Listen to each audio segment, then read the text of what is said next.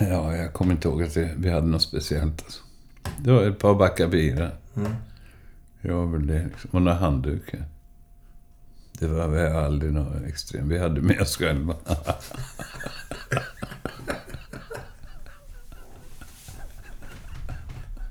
Om det nu var så att vi ville ha något annat.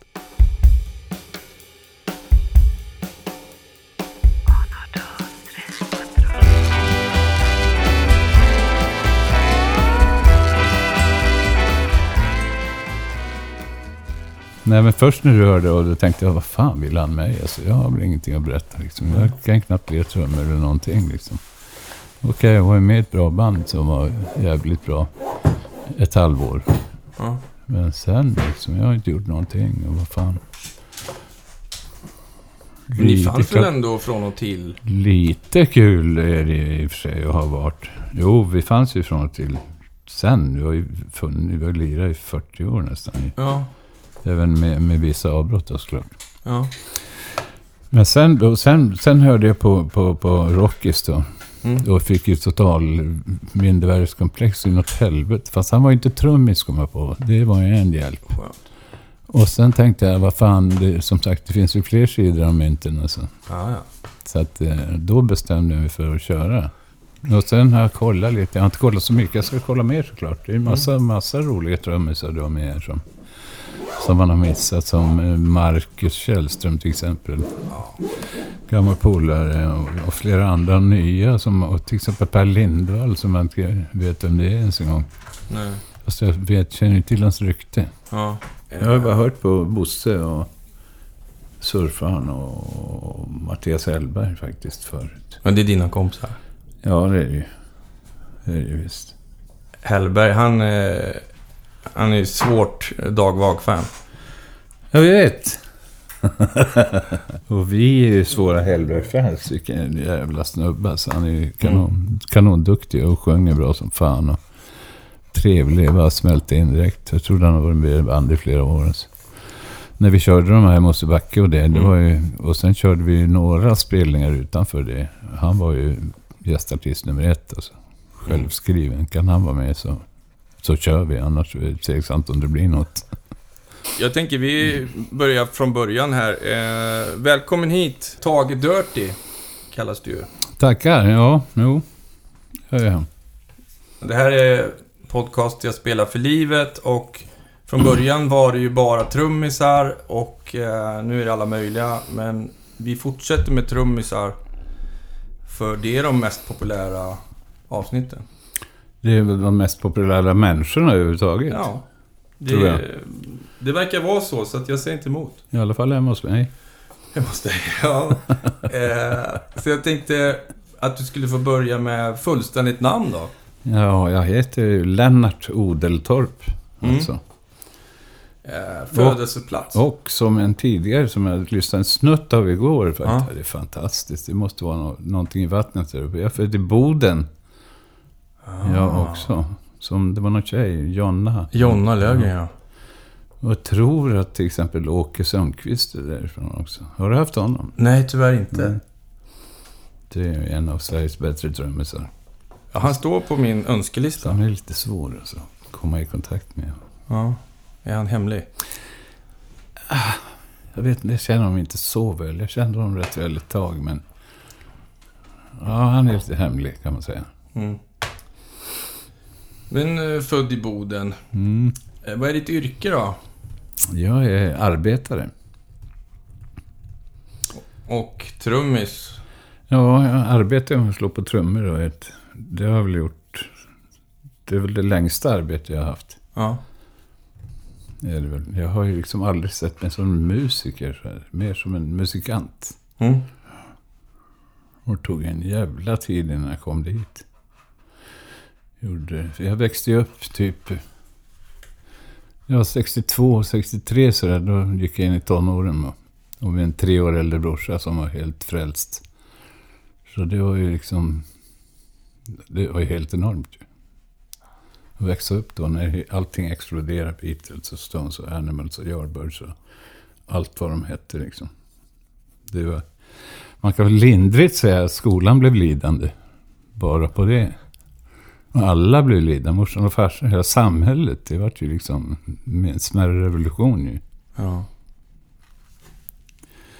Så att... eh, Så, varför kom jag sa det för? Nej, Jag frågar ju. Eh, en fråga som alla brukar få är så här, vad är ditt första musikminne när du var liten? Mm. Liksom? Det tänkte jag på faktiskt igår. Det, och det borde ju vara typ Frank Sinatra alltså. Som skvalar ur grammofonen, radiogrammofonen. För det, henne- honom älskar ju morsan. Så ja, musiken kommer från morsan helt klart. Alltså. Och det var sånt. Frank Sinatra, Paul Anka, Harry Belafonte. Gamla goda. De var ju riktiga, de var ju riktiga musiker. Entertainer, crooners liksom. Ja. Mycket, ja, mycket sånt var det ju. Då var det, nu pratar vi om då början på 50-talet kan man säga. Sen var det väl framåt 55-56 som det började hända något. Nej, vad säger jag? 60 menar jag ju. 50, jag är född 51, så 50-talet är väl ganska dimmigt. Mm. Även om min, jag kommer ihåg lite musik därifrån som sagt. Min, vår första skiva, vi fick en singel tillsammans, jag och min bror. Nu kommer jag ju inte ihåg vad den heter, men den var gul. Och det var Cliff Richard. Det måste ha varit julen 59 eller något sånt. Då fick ni dela på det. Ja, utav någon faster, moster eller farbror eller vad det var. Och det gjorde vi. Ja. Gick rätt bra alltså. Jag, visst, storebror tre år, han ville inte ha med mig på det mesta. Men ändå en ganska vänlig atmosfär mellan oss var det alltid. Ja. Och sen blev den ännu vänligare. Ja. Då när jag, när jag, som jag kastade mig in i från början, när vi kom in i 60-talet, eller Mm. början på 60-talet, då var det nog en jävla skillnad att vara 11 och vara 14 då alltså. Mm. Men han guidade ju mig där, så jag hade ju en jävla tur. Alltså. Han visade mig på alla bra band som fanns i hela världen i princip. Allt nytt. Så jävla mycket nytt ju. Ja. Så det var ja, helt otroligt. Allting var exploderat idag. Och då var det de här banden som du tidigare nämnde. Ja. Plus en hel höger med andra. ju. Artwoods, Animals. Ja, mycket. Ja. Som lirar då, för de flesta lirade ju någon slags eh, anglofierade amerikanska just blueslåtar. Mm. Som, men det lät ju skitballt ju. Det gjorde det. Var det något speciellt band som du fastnade för där? Jag var ju Yardbirds-fan faktiskt. Där hade vi lite tävling brorsan och jag. Så det. Han höll väl på Beatles och då fick jag hålla på Stones. Och lite sånt där. Han höll på Artwoods, då fick jag hålla på... Nej, han höll på Animals, då fick jag hålla på Yardbirds. Men Artwoods, det hade han lite för sig själv. Även om jag kommer ihåg att de gjorde någon bra låt. Men sen, det gick väl över rätt fort också. Sen... Ja... Det bara fortsatte ju explodera liksom. kom nya band och nya låtar. Det var helt otroligt. Hur hade man koll på det när man bodde i Norrland och gick man till skivaffären då eller? Ja, ja, det var mest Radio Luxemburg, ska jag säga. Sen fanns det ju skivaffärer också som var eh, tillhandahållande. Och vi jobbade ju, både brorsan och jag, ett tag. Vi, i en postfamilj. Farsan och jag gjorde karriär inom posten. Det tog ett jävla tag. Jag började som brevbärare i Boden. Och slutade som postmästare i Bollnäs. Och det fick han väl vara i typ tre månader, sen fick han sparken. För de jävla omorganiseringen, de behövde inte honom. Så hade jag kämpat i alla år och så. Ja, typ 45-50 år har han lagt ner ut. Behöver cykla ut med post i Boden. Fan, förlåt att jag skrattar. Ja, sen, han gjorde ju, han, han- de var ju händiga på den tiden, människor. Om de ville liksom. Mm. Det fanns ju möjligheter liksom. Han läste ju på Hermod så. Läste upp, han var väl ingen fena i skolan, men han pluggade hemma liksom. Vad blev man först? Förste kontrollör heter det väl. Och då blev man befordrad, så då flyttade vi till Storuman. Typ 62. Ja, det var ju precis innan hela den här pop-explosionen. Alltså. Så det var i Stor, Storuman du upptäckte Beatles och... Ja, precis. Bodde vi där i fyra år. Halva mitten på sexan, sportlovet på sexan flyttade vi till Östersund. Så det är Östersund Ja. Som allting exploderar. Liksom. Ja. Verkligen. Det är där jag växte upp, alltså, kan man säga. Fast jag ser mig absolut inte som någon surjämte. Nej. För då måste man ha liksom tre, fyra generationer bakåt ju. Om man ska få rösta i presidentvalet och Ja, sånt där. precis. Fast Stickan blev ju tunggungminister här ett år. Se där. var han och Evert som satt i... Ja, Evert var president. Vad var den första skivan som du köpte då? Första skivan som jag köpte. Mm, när du fick välja själv. Jag vet inte hur mycket man kan avslöja, men vi hade, hade en väldigt fin relation med ett par anställda på största skivaffären där. Ja, vad ska man säga? Vi hade någon slags bytesaffär med dem. det var den, hette ju, man var vild och ung, alltså jag var 13-14 eller vad kan ha varit. Och jag kommer ihåg någon tjej, vi gjorde massor, men en grej var att en tjej som jobbade där sett en handväska i en annan affär som hon så gärna ville ha. Ville ha. Ja, så då gick jag dit och hämtade den till henne. Och då fick jag väl fem LP-skivor eller något sånt. Det var ju kreativt. sådär. Ja, det var jättetrevligt. Och man var ju inte dum att man utnyttjade det heller. Så ibland behöver man inte ens ge dem en handväska. Det är bara, titta där, vad är det där? Så Mm. försvann tio plattor i väskan. Så. Vad var det för skivor då, som du kunde komma hem med då? Ja, det var ju, det var ju allt det här nya då. Animals och Yardbirds och Beatles och Stones. Och Mm. och även lite annat. Men exakt vad det var, så här 65, 66, 67. Det, alltså den här dimman började väl sänka sig redan då faktiskt. Mm. Eller inte riktigt, men... Men- Jag kommer ihåg, jag inte exakt. Nej, men det gör inget. Eh, vad var det som fick dig att eh, bli musiker själv, eller musikant? Ja, det var väl en dröm kan man säga. Jag hade ju inte en tanke på det först liksom. När man, och när det här kom då bara sköljde över. Jag hade aldrig spelat någonting innan eller någonting. Inte ens tanken hade aldrig funnits för att, att jag skulle kunna spela någonting. Brorsan han lirade blockflöjt tror jag i två terminer eller sånt i Boden. Men sen var det, han lirade inte heller i Östersund där då när, när hela popexplosionen var. Så att eh, man började väl drömma om det lite lätt. Jag, var, jag var väl 15 ungefär när jag började drömma om det. Fan, jag började banka på kastruller och sånt där. Lite lådor. Då, redan då upptäckte jag väl att jag hade någon slags taktkänsla eller någon feeling för det där. Men alltså det dröjde ju. Sen jobbade jag med ditten och datten och hit och dit och flyttade fram och tillbaka. Så. Att mitt första trumset det köpte jag på Åkes musik i Umeå när jag var 25 år. Så jag åkte hem och bildade mitt första band. Och då var du 25 alltså? Då det hade jag väl, jag hade väl provat. Jag var nere i stan någon gång något halvår innan. Så det här var ju då 76 alltså. Då hade jag liksom provat, jag tror jag hade provat en, max två gånger liksom och suttit och ett trumset. En gång på Studio Decibel, kommer jag ihåg. Jag tror det var Bosse Skoglunds trummor. Och det var ju så otroligt häftigt alltså. Jag vet inte vad jag hade... Jag hade bara drömt om att spela trummor, inte gitarr eller något annat. Men fast jag inte hade provat ens en gång liksom. Jag vet inte. Jag kände väl att... Skulle det bli något så skulle det bli trummor. Mm. Men det blev det ju verkligen. Ja.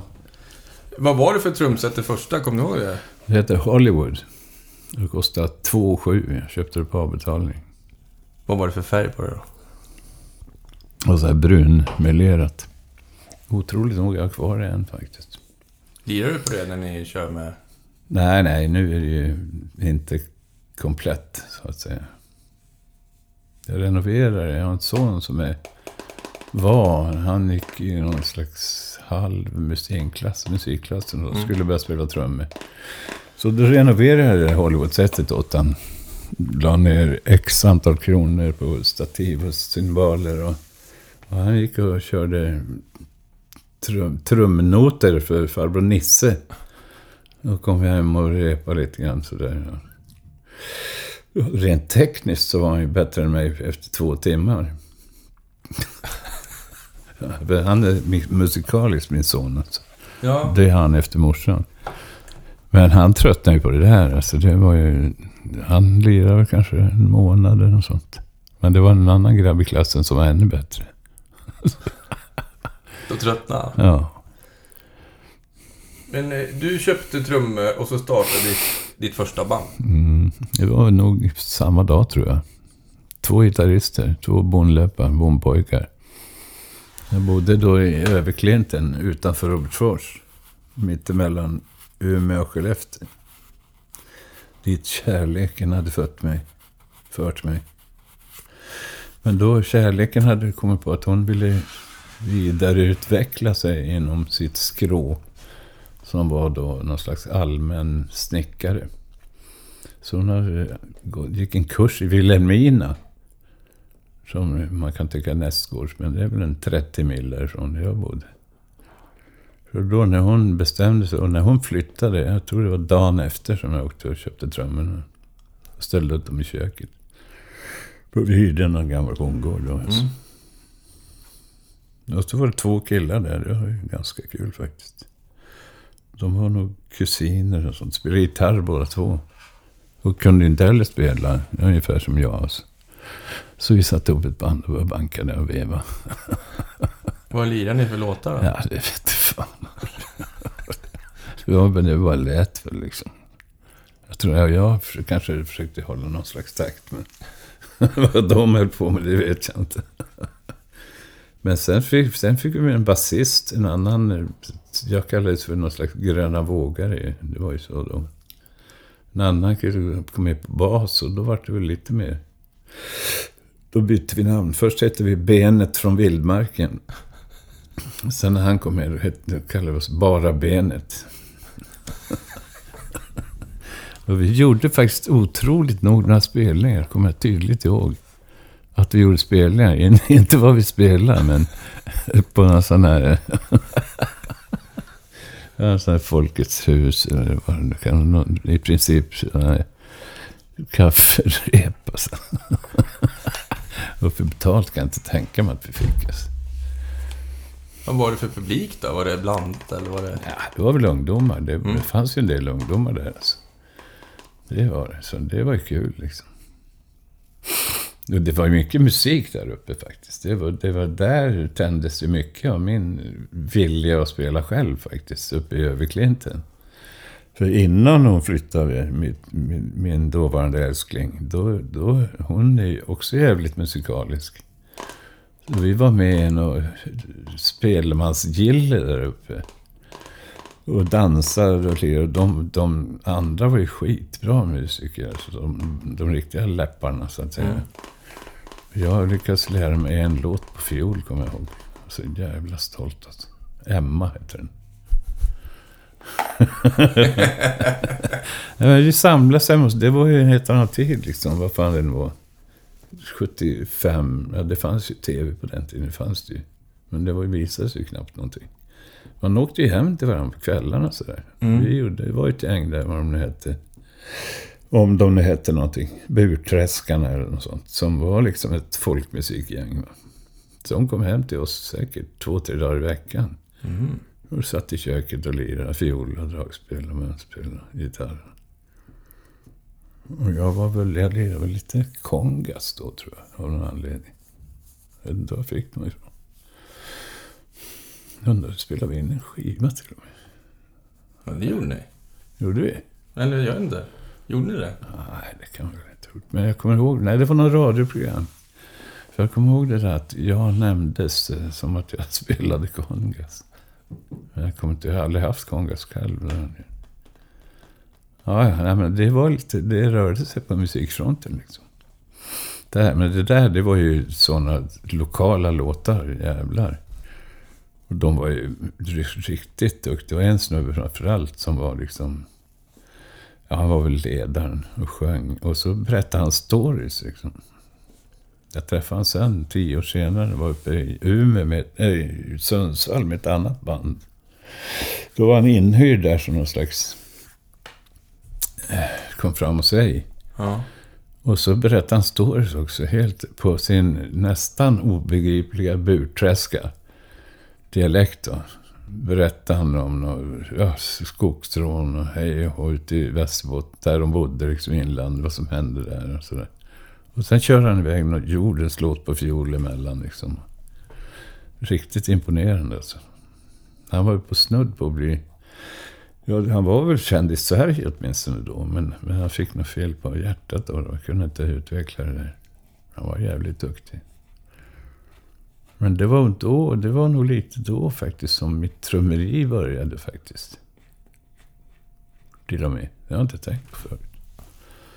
Men i alla fall så när hon flyttade då så köpte jag den, ställde upp trummorna i köket. Det var bara jag som bodde där då. Så det vart ju, och så hade jag en polare som hade hjälpt mig och köpt det där. Han var, han var väldigt bra trummis. Och lirade i Umeås bästa band som hette Harald Hedning. Och han, han, så han hjälpte mig. Han var in med, jag vet inte om jag hade körkort eller inte. Antagligen inte. Han skjutsade in mig till Umeå, vi hämtade trummorna. Han bodde i samma by. Han åkte hem till sig, hämtade sina trummor, tillbaka till mitt kök, ställde upp dem. Sen satt vi där han och jag Och hade och lektioner. bankade. Ja. Ja, han, han, han var trumlärare också, men jag gick en halv lektion för honom. Vi satt bara och lirade. Var liksom, han lirade och jag försökte hänga på så gott det gick. Fan, vilken ynnest ändå. Ja, helt... Bättre skola kunde jag inte ha fått alltså. Ni drack lite kaffe och så spelade trummor liksom. Och... Ja, och så drack vi en bira, sen drack vi mer kaffe och sen spelade vi ännu mer. Vi kunde ju lira hela nätterna. Det var ju liksom, det stod, vi var ute på vischan ju. Mm. Det var ju ingen jävel som hörde oss. Det gjorde vi ju inte varje dag såklart, va? men det hände. hände väl kanske gång varannan vecka eller Mm. någon fredag när vi Mm. fick feeling sådär. Mm. Och sen faktiskt som, som, som, som en story i alla fall säger, så ringer min bror då helt plötsligt. Och säger att jag måste flytta ner till Stockholm. För att vi ska bli popstjärnor, säger han. Han hade varit upp där någon gång emellan, så han hade ju sett att jag hade köpt trummor. Och, det. och, visste, och jag hade ju som sagt drömt om det i tio år, ta fan. Trummor, vilken grej liksom. Så var det. Och då ringde han och så flyttade du till Stockholm då eller? Ja, då gick jag första året på trätekniskt gymnasium i Umeå. Som jag hade först jobbat i där uppe på, en, på ett snickeri. Och så efter många, jag vet inte hur jag kom på det heller. Det måste ha varit frun där. För jag kommer inte ihåg att jag, jag har varit så framåt liksom. Hitta på grejer. Men det har jag nog i och för sig. Men jag, så jag sökte gymnasiet och kom in. Helt överårig. Jag var ju 25 bast eller sånt då. Kom in på gymnasiet. Det var ju, det var ju sådär halv, ingen direkt ingen liv på rosor det där gymnasiet inte. Jag var ju stockholmare, jordens utböling. Jag skulle ha spö varenda rast.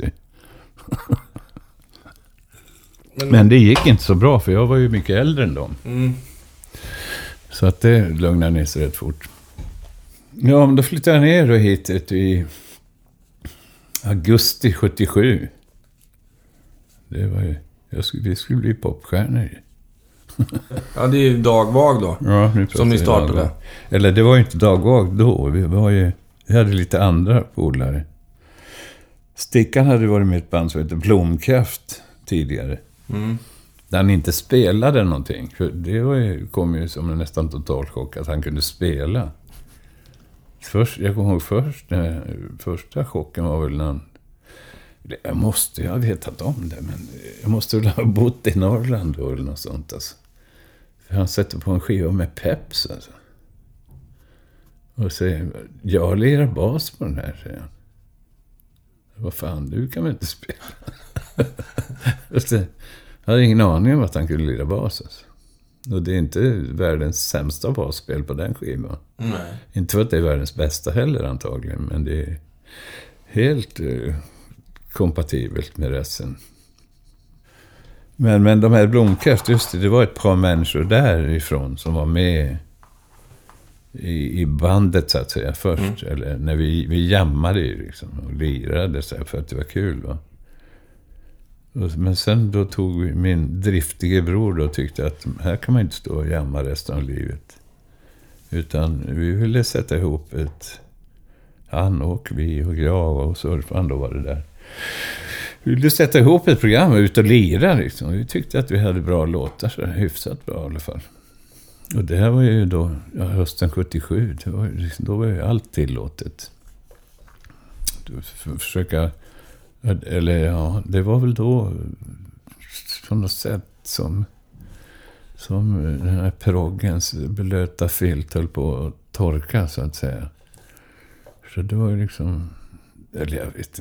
Det, det går inte att känna. Det går inte att veta sånt här liksom. Det är Mm. absolut inte det som hände oss. Vi hade inte en blekaste jävla aning.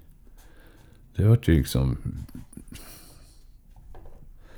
Ja, det är helt sjukt ju när man tänker på det faktiskt. Sjukt roligt.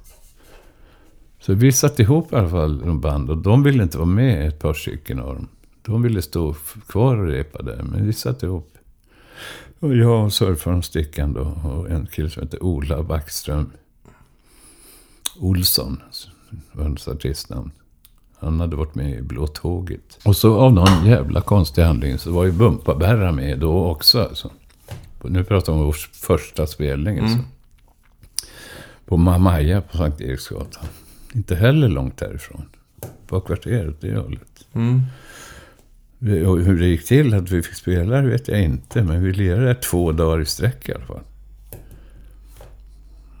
Och vad som hände. Och sen var det liksom... vad var det här nu då? Det måste ju ha varit då hösten 78. Eller våren 78. Och sen kom det lite klammeri och klamrar och helvetets blåst emellan. Rena tsunamin. Så vi kunde inte lira på några månader. För vi var upptagna med annat. Mest jag och min bror. Vad gjorde ni då då? Vad vi, varför, eller vad vi gjorde. Ja, vad gjorde ni för att ni inte kunde spela? Vi torskade för snuten. Ja, ja. De påstod att vi hade sålt hasch. Men det hade vi inte gjort. Inte vad jag visste i alla fall. Nej. Det var, det var precis när han hade gjort den där dimma som han gjorde helt själv, första upplagan. Så vi hade en, jag hade bil och vi åkte upp till Uppsala. Ja, det låg en bunt eh, skivor i framsätet. Liksom. Jag trodde han skulle upp och sälja dem. Fy fan vad jag ljuger nu alltså. Men officiellt trodde jag det. Ja. Ja, så var vi där och jiddrade omkring och fick vänta och vänta och vänta och det hände väl ingenting. Till slut så fick vi det vi skulle ha och åkte hem. Och det var, de var duktiga alltså, så jävlar. Det var precis i, när vi var vid eh, vad heter det? Medborgarplatsen. Han bodde på Skånegatan då och jag bodde på Katrineholm. Vi gick ner till honom då och fixa lite. Det kändes inte riktigt rätt sådär på slutet där i tunneln. Liksom. Vi- Ja, vi tar en omväg hem till dig, sa jag, kommer jag ihåg att jag sa. Det var det sista jag sa till honom på en månad. Precis när vi kom upp i tunneln där, då var det en bil som stannade framför, en precis till vänster, till höger stod parkerade, en bakom. Snuten hoppade ut med dragna pistoler. Och viskade, vet du vad han viskade till mig? Vet du vad man skulle göra med sådana som du? Ni skulle ha ett nackskott. Wow. Ja. Men jag var ju helt oskyldig. Jag hö- vidhöll ju det där med att vi hade varit där för att sålla- sälja skivor. Mm. Så jag, vad fan menar du? Det är ju inte klokt liksom. Och det var inget, vi fick inte strö, spö eller något sånt, men vi kastades ju i cellen så det skrek om det. Och jag fortsatte att neka tre, fyra dagar där. Jag hade, jag hade bara skjutsat upp min brorsa för att sälja skivor. Då tror jag bara, var det väl trä, fjär, tredje dagen eller fjärde dagen kanske. Då kom de med ett par A4 sådär och började läsa högt. Vad jag då läste för mig då exakt vad jag hade gjort den där dagen. typ så här 8.57 klev han ut ur ytterdörren. Och 9.03 gick han ner i garaget. 9.07 kom han upp i garaget med sin fina Citroën-padda. Och åkte och hämtade sin bror. Och så där liksom exakta tider och helt jävla sjukt. Alltså. De hade spanat på er? Ja, de hade tokspan. Minst fem bilar skulle jag säga. Därför att jag, vi var, man var inte helt jävla rudis då. Så att, och jag, kör, när jag kör bil så ibland kör jag ordentligt. Vilket var, det var ett tillfälle när de kom ut på, på, vid Haga Norra där. Det är ju motorväg till Uppsala. Om man kör lite fortare än någon annan, då är det jävligt lätt att se om någon hänger på. Mm. Och jag körde väl ganska mycket fortare än någon annan. Och jag såg ingen som hängde på. Inte en jävel.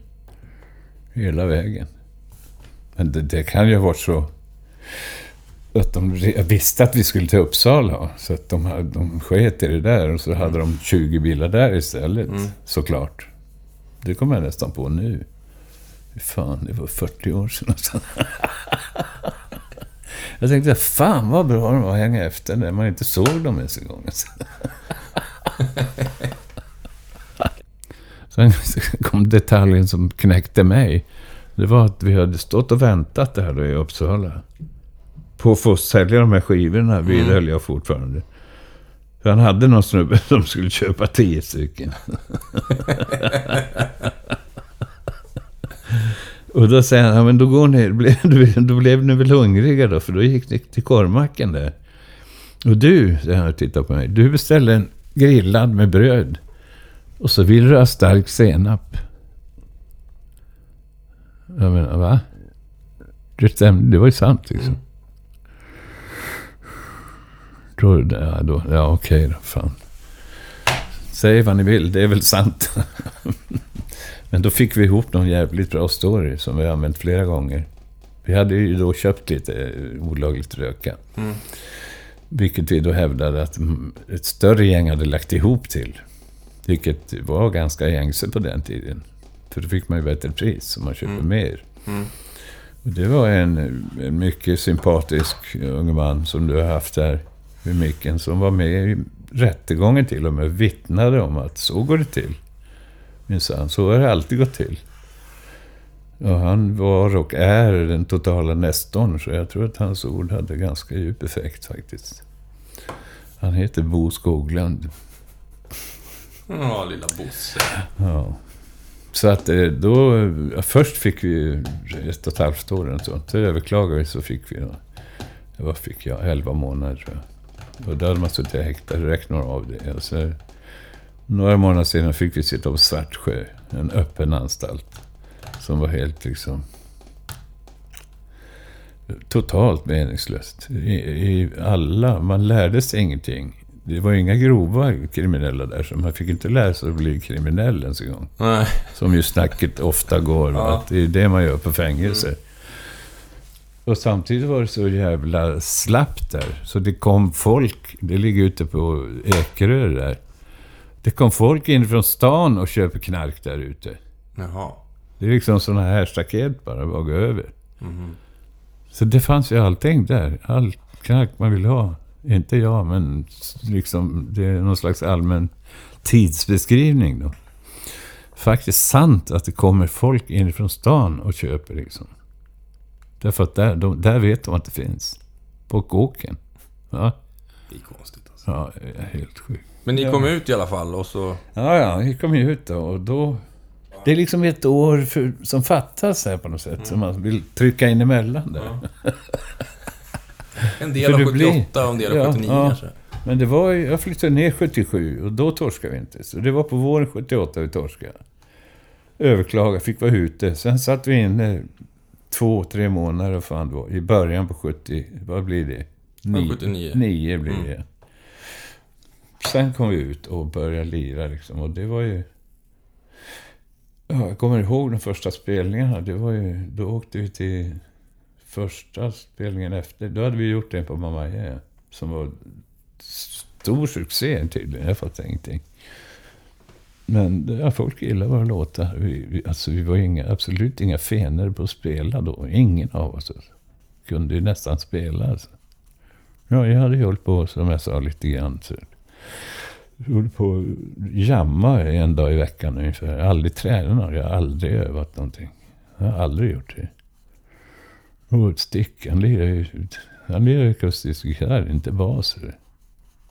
Och Johan var väl den mest ambitiösa då. Han hade ju lirat i andra band förut och sådär. Den första spelningen var i alla fall i, vi skulle till Göteborg göra en spelning på Errols. Som var en populär klubb där. Fan vad jag snackade. Jag trodde du skulle få dra ur med allting. Alltså. Ja, men du ser. Sån trevlig eh, engagemang. Ja, och då spelade vi i Arvika på någon pub eller vad det var.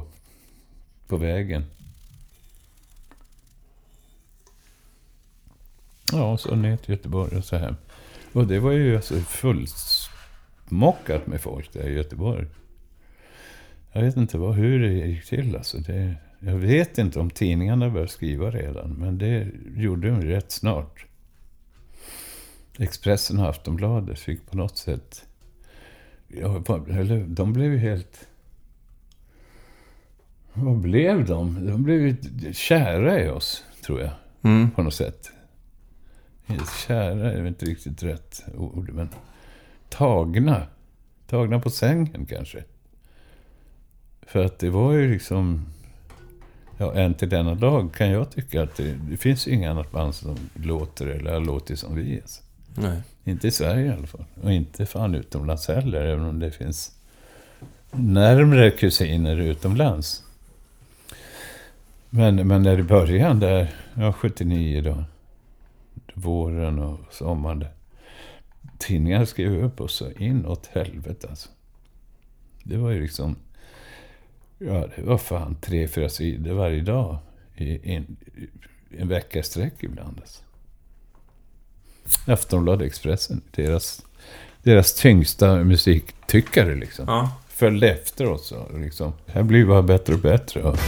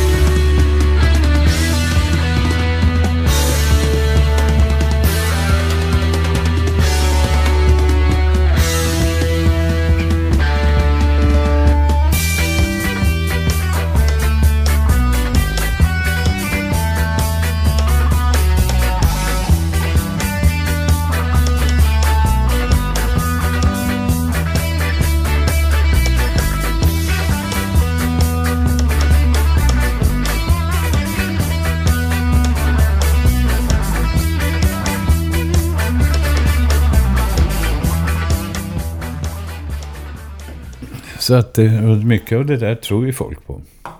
Mycket är sant också. Ja. Men, men jag menar, det sa ju bara... Det lät inte. Det var någon slags ljudlöst ös liksom bara. Och så var det fullsatt överallt över liret. Och då hade ni, hade ni släppt någon skiva då eller? Har ni släppa någon innan ni åkte in i Nej, finkan? det var ju bara den där singeln. Alltså. Dimma. Jo, men vi spelade, jo, vi släppte nog något, vad heter den, Sånt är livet. Och Flyger. Släppte vi nog 78. Det är nästan så att jag sitter och efterhandskonstruerar. För att jag har aldrig tänkt, jag har aldrig pratat, jag har aldrig tänkt på det på det här sättet förut faktiskt. Tack för att Varsågod. jag fick komma Ja, tack för att du är här. och gräva i mitt undermedvetna. Nej, men jag kommer på det. Nu är det, vi, vi liksom...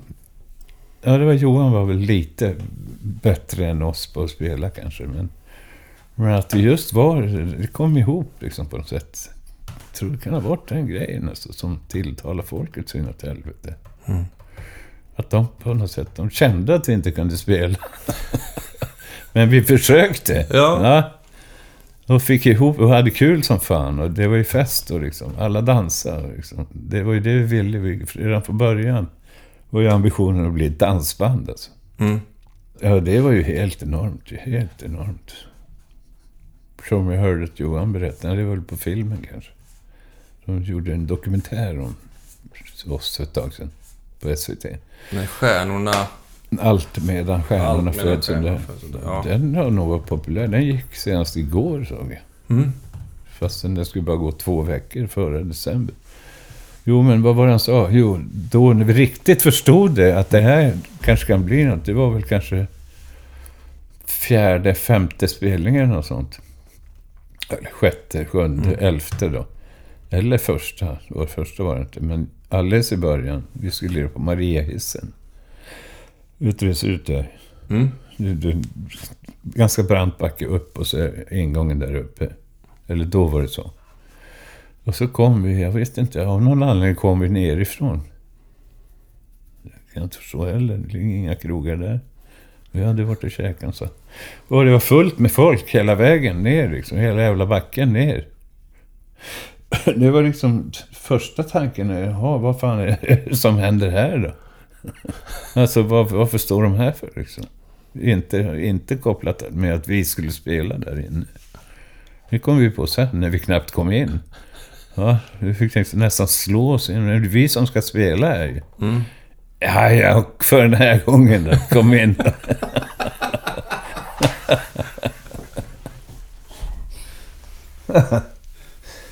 Ja, sen var det ju bara... Och den där med fortsättningen i tidningarna fortsatte ju. Så det var, det var ju, spreds över landet fort som fan ju. Det var enormt liksom. Vilket var, det var väl bra eller dåligt. Men, men någon jävla liksom... Stjärnhybris, det, det hann man ju inte få. Nej. Och det var väl jävligt skönt tycker jag väl idag. Hur fan jag nu skulle ha fått det. Det är svårt att se om vi får det i och för sig. Alltså. Men ni var ju det största popbandet. Ja, det, om du säger det så. Vi hade ju viss konkurrens av någon band från Halmstad.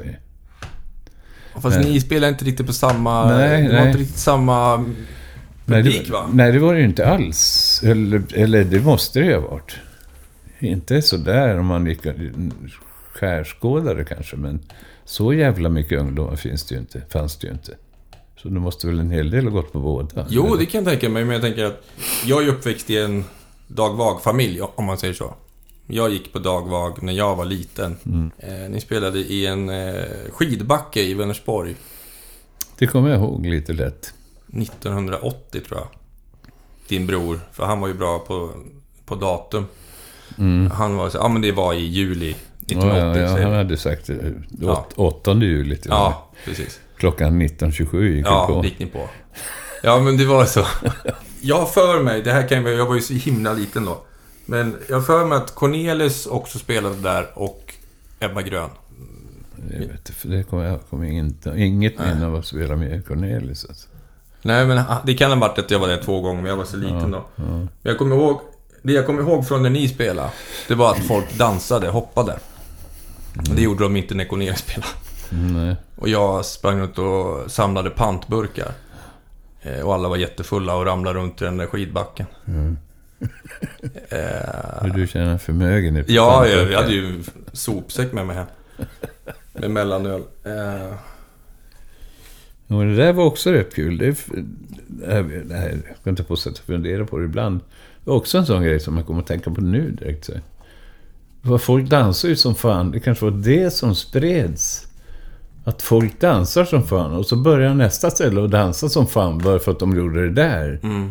Innan att höra musiken liksom.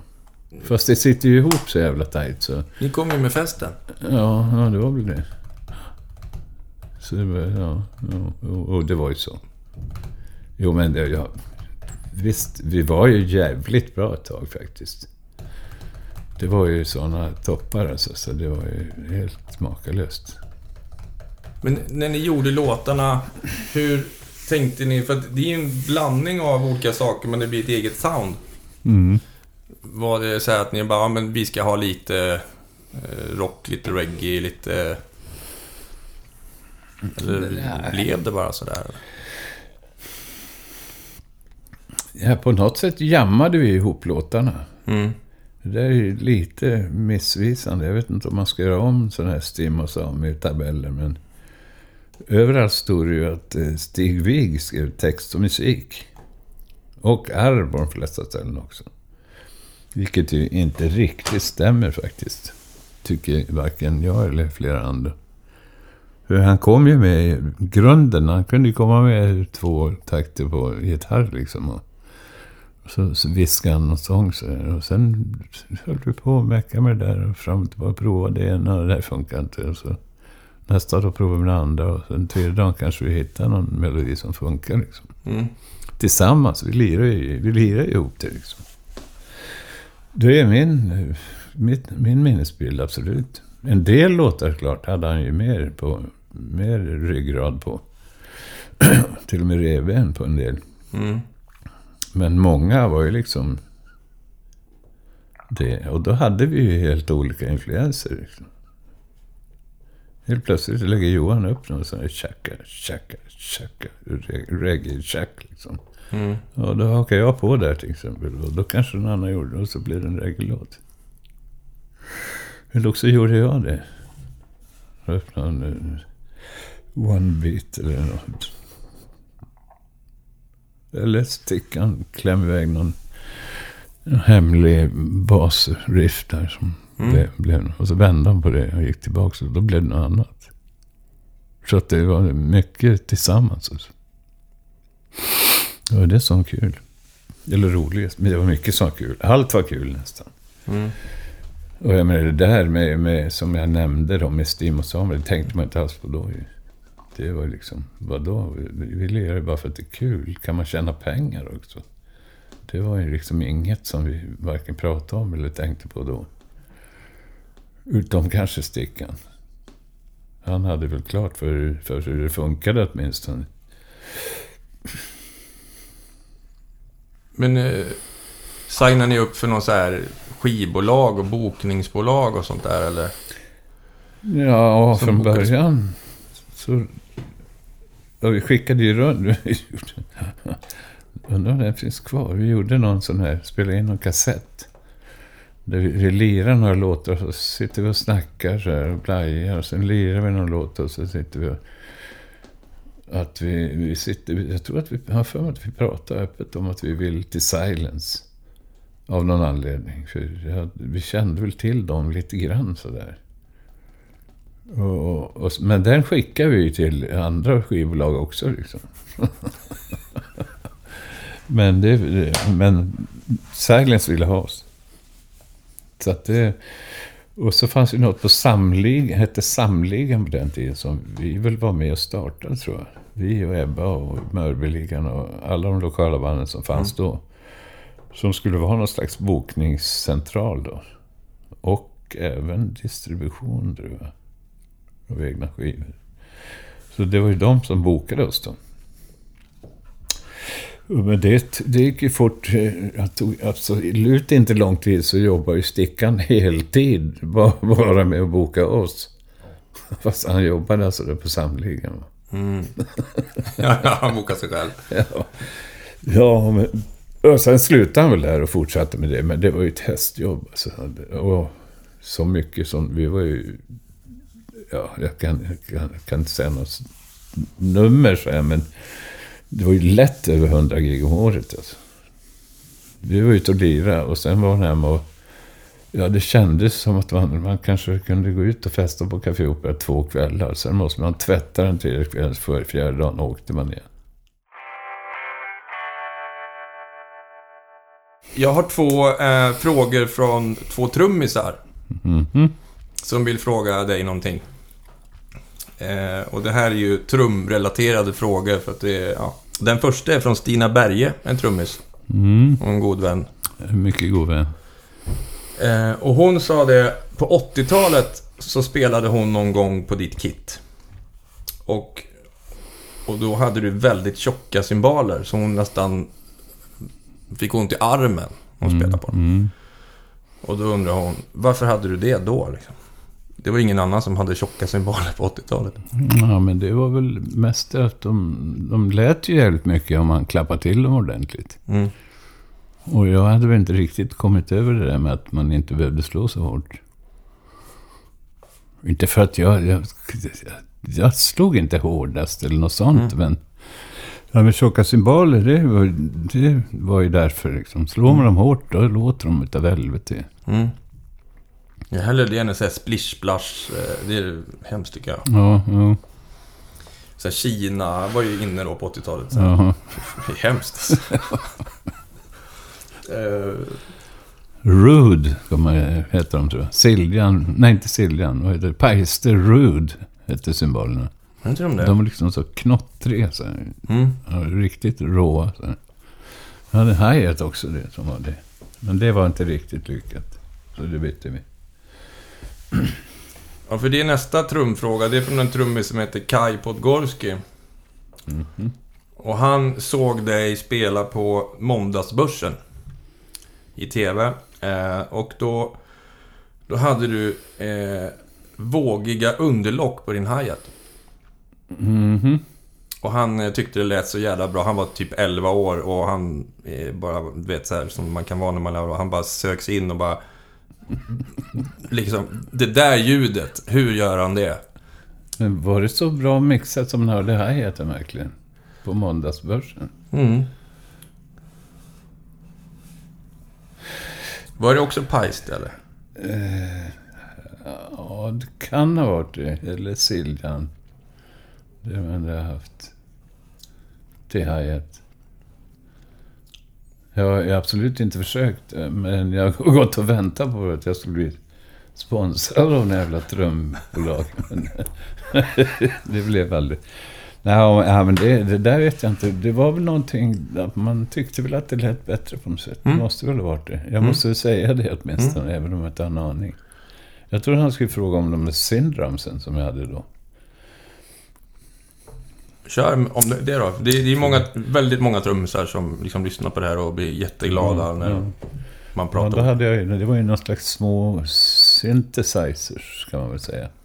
Som var som trumstrå. Jag hade två stycken som man kunde ha bredvid varandra. Så kunde man ställa in dem så spring, spring, spring. Lät de liksom. De hade jag där på Måndagsbörsen, kommer jag ihåg. Jävligt dåligt härmat, Lennart. Ja, förlåt. Mm.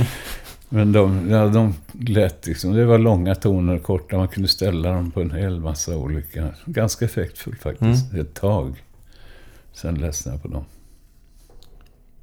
Sen ledsnade jag ett tag, ledsnade kraftigt på trummor överhuvudtaget. Jag tyckte det var så jävla orättvist alltså. Och jävligt tröttsamt.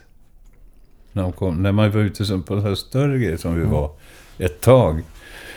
Då var det inga problem, för då var det någon annan som riggade ju.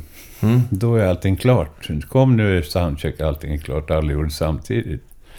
Men när man är ute utan roddare, då hinner man ju för fan...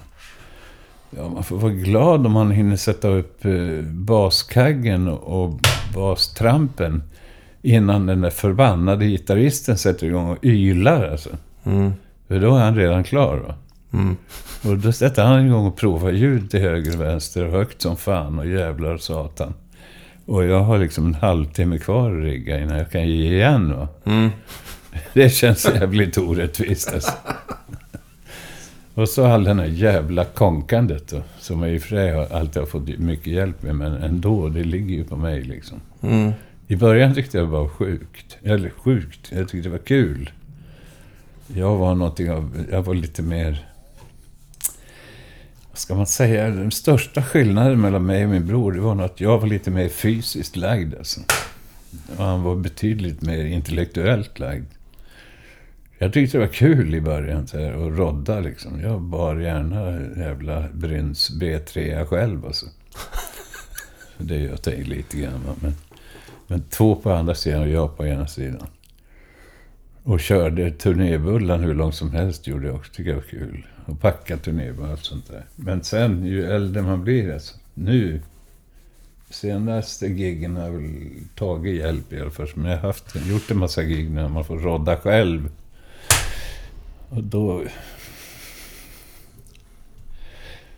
Då är det ju bara kul när man spelar alltså. Mm. Inte varken före eller efter.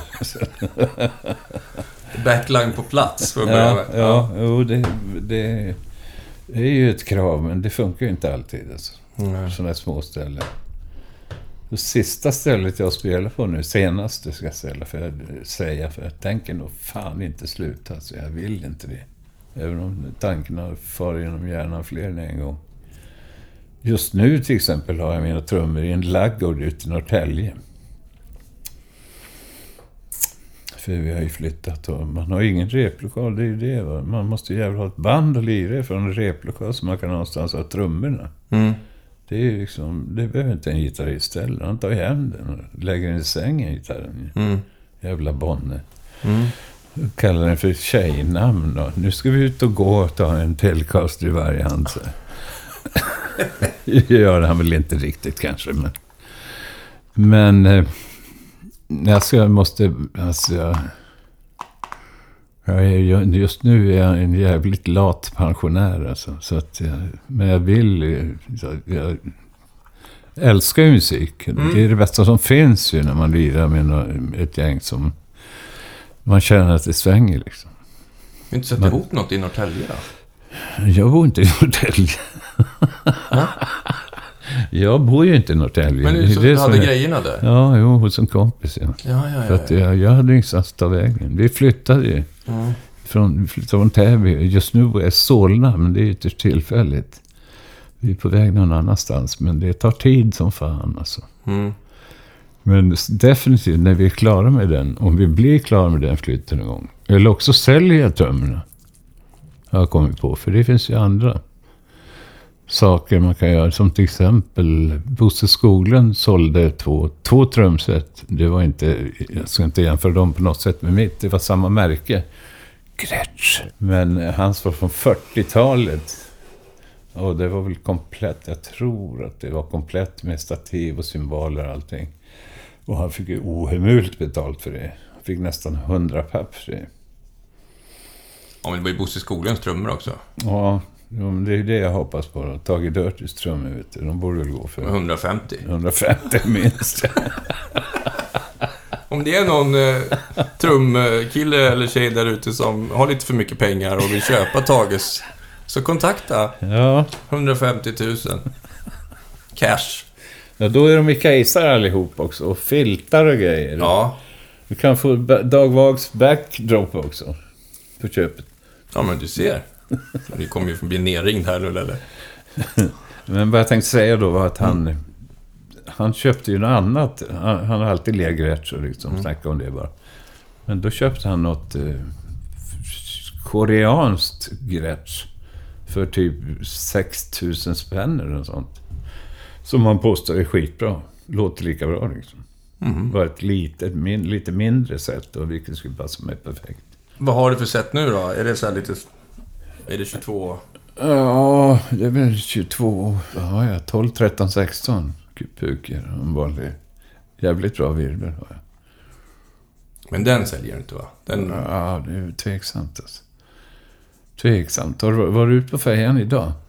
Nej. Eller igår? Jag går ut och kollar på Bosses där. Ja, han fick någon trä... Ja, som, jag tyckte jag stod... Han hade... Han klantade till det där. Han var ju... Först såg jag en jävla massa kommentarer där. Och sen var jag ett tag... Då hade han tydligen lyckats trycka bort alla kommentarer. Mm.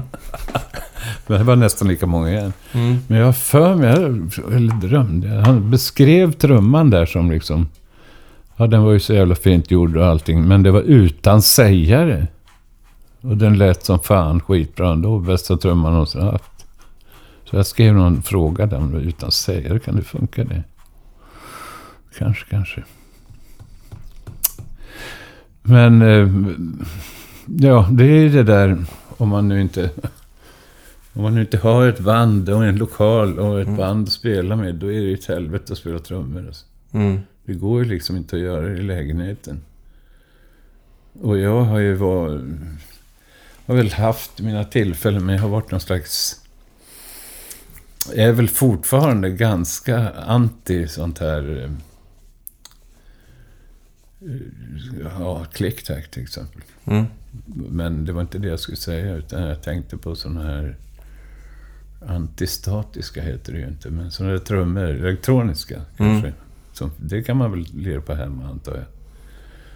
Men jag är ingen sån heller. Jag har ju liksom aldrig, aldrig övat liksom. Mer än fem minuter i sträck, sen blir jag helt uttråkad. Tycker det är så jävla tråkigt alltså. Man vill ju spela med någon annan. Ja, precis. precis. Och jag har aldrig jag har lyckats spela. Jag har försökt spela till musik så här. Jag sätter på en jävla platta, men de håller ju för fan inte tempot de jävlarna. De snackar ju så inåt helvete varenda jävel alltså. Ja. Är det så? Ja. Det är inte du som ökar, utan... Nej, Mm. nej. Fan.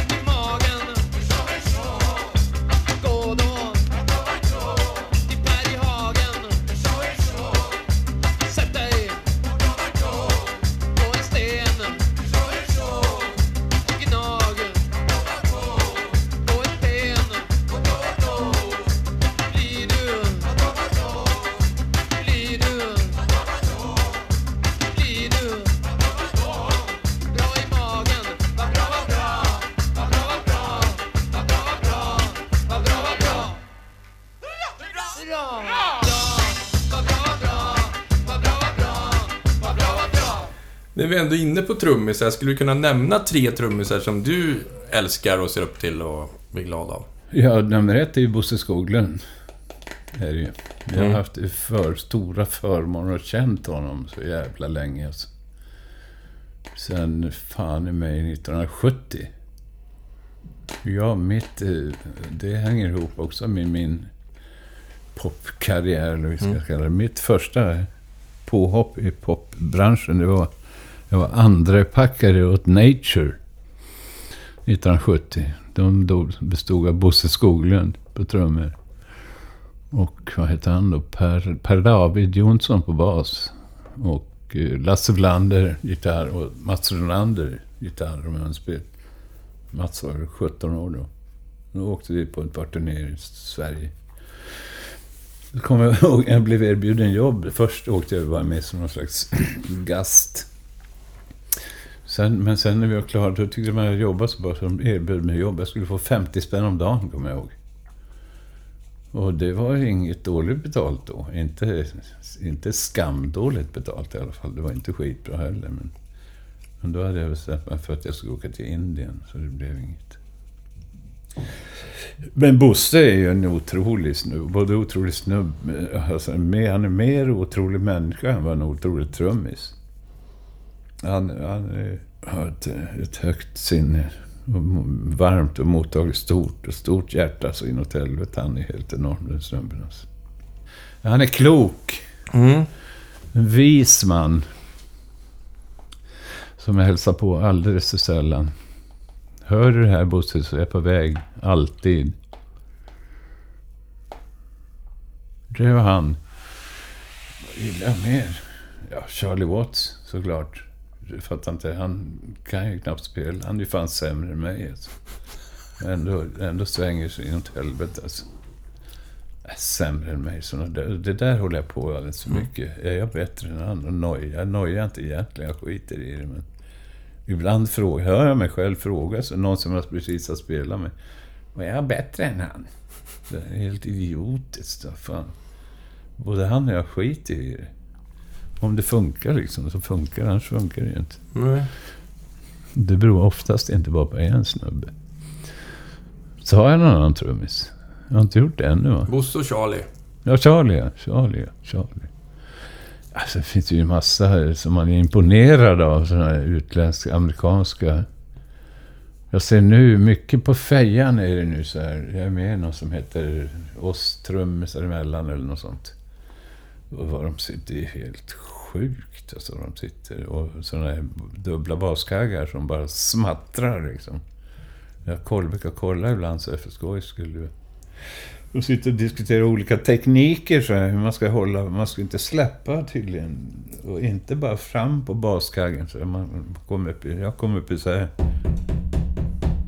Så här kanske det är fortast. Så. Mm. Och de kör liksom... Utan vidare, utan att det syns liksom. Men, men det är ju inte... Ja, det finns massor med sånt. De övar ju, de grabbarna. Det är fusk. Det har Bosse och jag kommit fram till. Det är fusk. Vi hade någon... Vad var det då?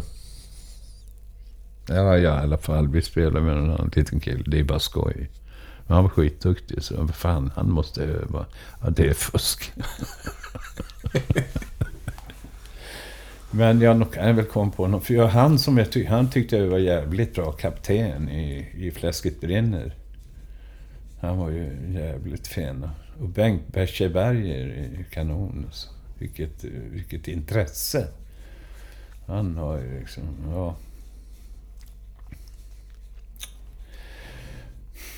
Och sen måste jag säga Werner faktiskt. Inspirerade mig. Han har hjälpt mig en hel del faktiskt. Tack Werner.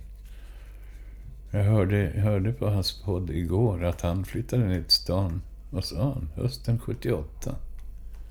Vi måste ha träffats precis då. Alltså. Jag, jag upplevde honom som i princip proffs alltså. Och jag var total rookie. Liksom. Vi lirade lite grann ihop, alldeles för lite. Vi skulle ha gjort det mer. Vi delade ju replokal då, så vi var... Var mer eller mindre slump. När vi var där samtidigt, han och jag, så brukade vi dra igång lite grann. Mm. Och jag hade ju tillfällen, speciellt då, otroligt dåligt självförtroende. Liksom. Hur kan fan, jag kan inte ens hålla i stocken liksom. Hur gör man? Ja, jag kommer ihåg att han peppade mig bra där. Du är fan bra, du gör rätt alltså. Kör hårt bara. Så det... Det tackar vi för, Werner. Modigård. Ja. Annars, det är klart, det är mycket trummisar som har sett och sådär, har hört. Men, jag vet inte, det är samma med gitarrister sådär. Det är svårt att... Jag vill se människan mer liksom. Mm. Vad fan, och sitta och lira 30 000 toner, det är ju Mm. skitbra förstås, men sen finns det ju en del, utan att man känner människan. Nu säger jag emot mig själv såklart. Mm. Jag såg senast igår Stevie Ray Vaughan. Voodoo Child. Mm. Det är ju helt makalöst ju. Helt makalöst.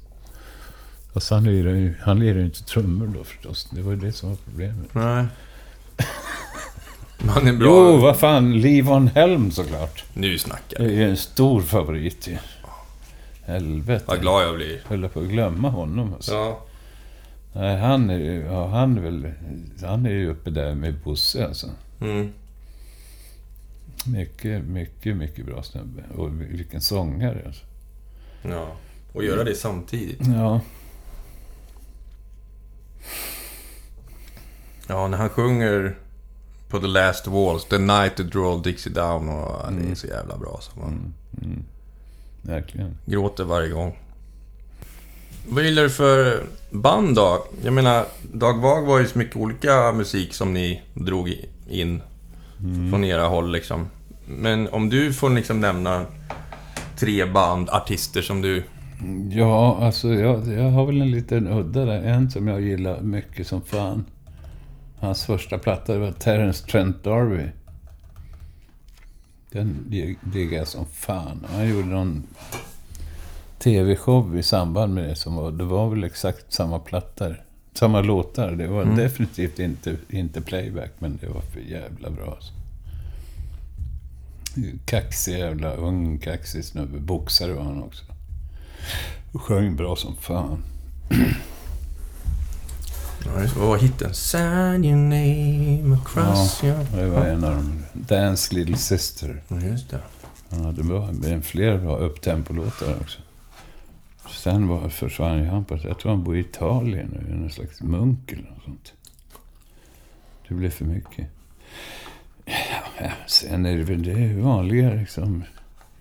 Reggae Marley då, såklart. Mm. Toots and the Maytals. Mycket sånt. Lyssnar man ju på då. Det började man ju lyssna på då. vid 78, 79 Mm. någonting.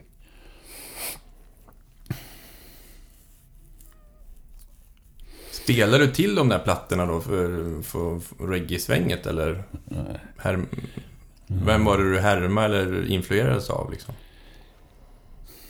Ja, säg det.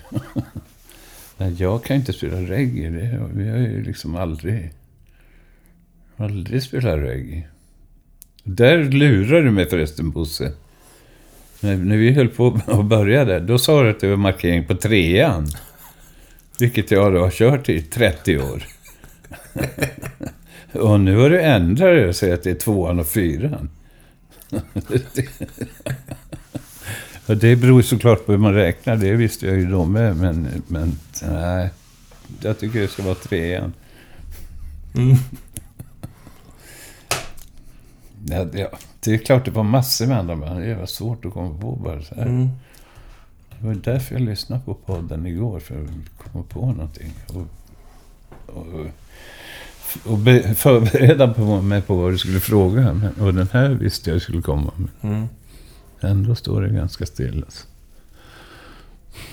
Det är lugnt, vi kan klippa i det här. Ja. Fundera du. Ja, Det, alltså, det var ju mycket Stones och sådär. Mm. Och Yardbirds och Stones. Och sen kom ju... Ja, Bruce Springsteen. Det var ju jävligt bra, det var det ju. Mm.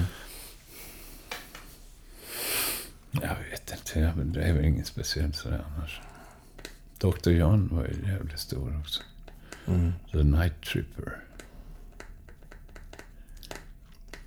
Det var spaceat album alltså. Ja, verkligen. Verkligen. Och så Captain Beefheart, förstås. Så Mm. är han. Nej. Från början, första två plattorna. Sen blev han ju helt obegriplig, tycker jag. Och det, den är jävligt kul alltså. Jag tycker de första två plattorna var, speciellt den första. Men den är ju nästan bara raka rocklåtar, den där Safe as Milk. Ja. Men sen den här jävla Trout Mask Replica. Som folk hyllar sig inåt helvete. Den fattar jag ingenting av. Alltså. Det är ju bara en massa oljud. ju. Ja, har du hört den? nu? Nej. Det är, alltså jag diggar honom i början, men där fattar jag ingenting. Frank Zappa såklart. Mm. Mothers jävligt bra i. Om du får nämna tre utav dina album då? Eller era Dag Vag-album som du diggar? Ja, ja, jag tycker de är bra allihop på sitt sätt. Utom Helk och Halleluja. Nej, det var ju absurt alltså. När vi, vi la ju av 83 och sen skulle vi börja om 88. Ska jag svara på albumen först. Mm. Så gillar jag ju faktiskt eh, Palsternacka bäst. Mm. Och sen Sju lyckliga elefanter.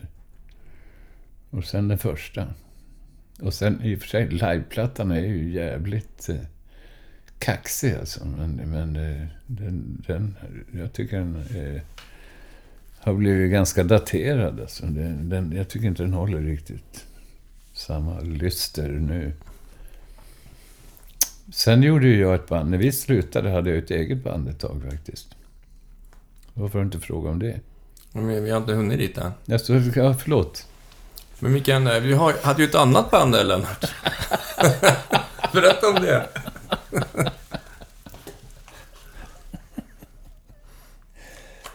Ja...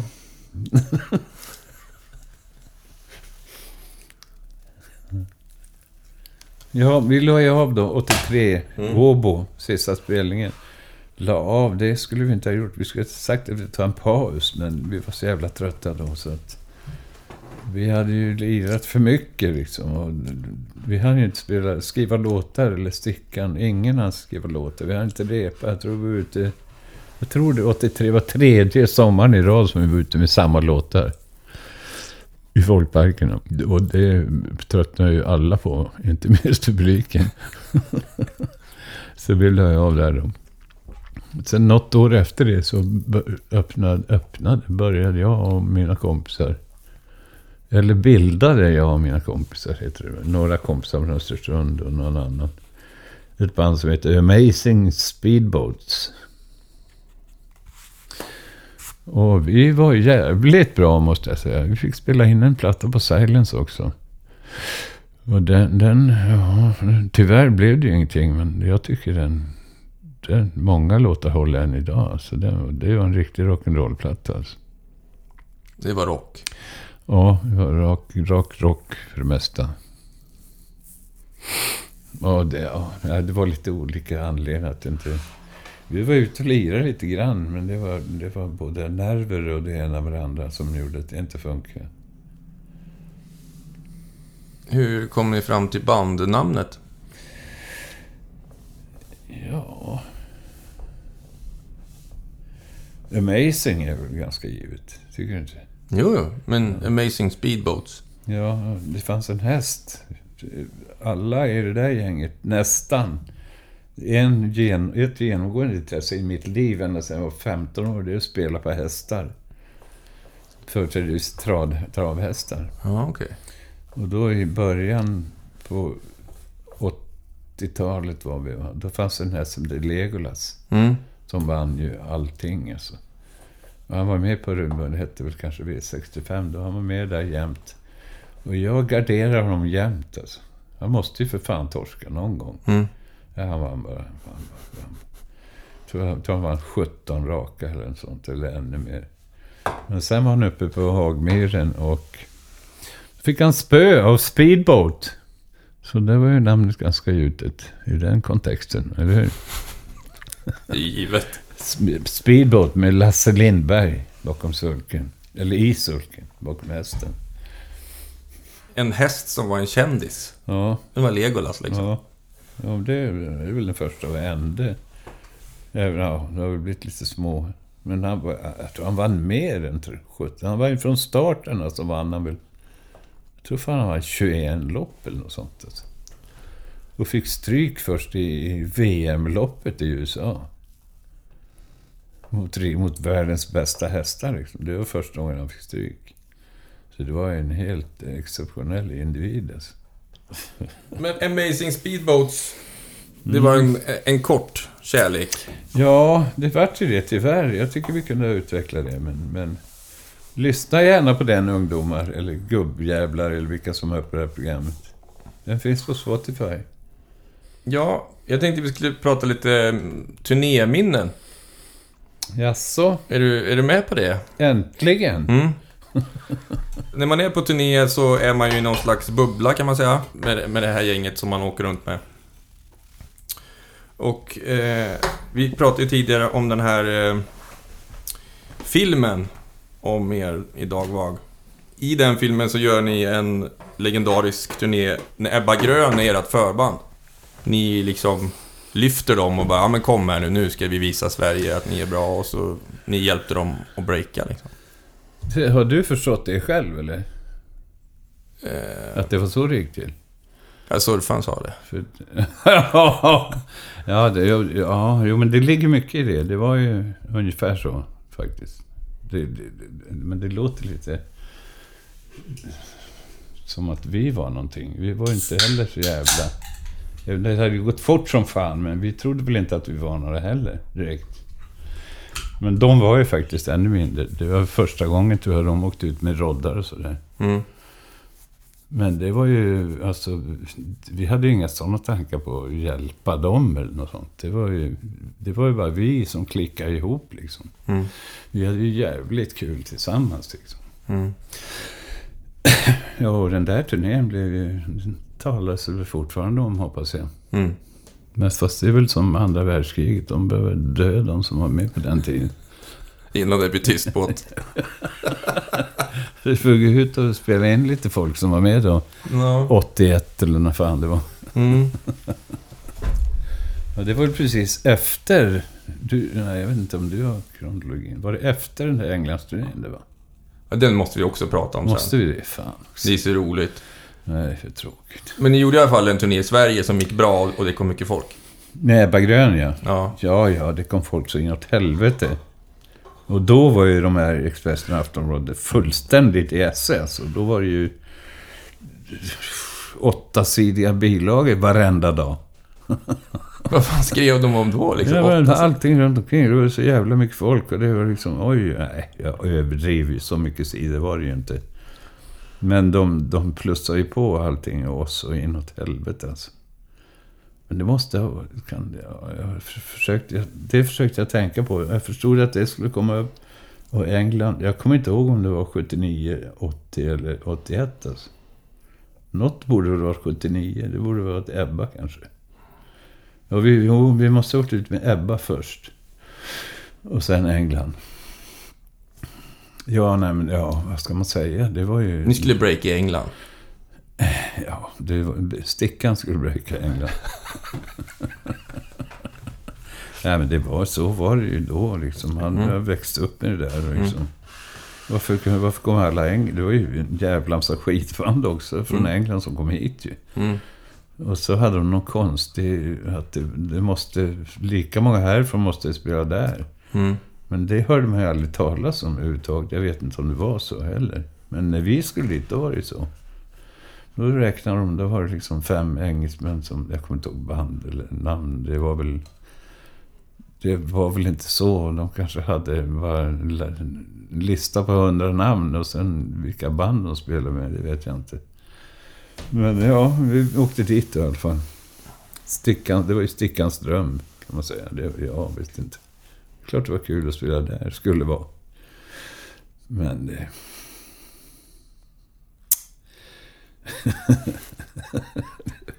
ja.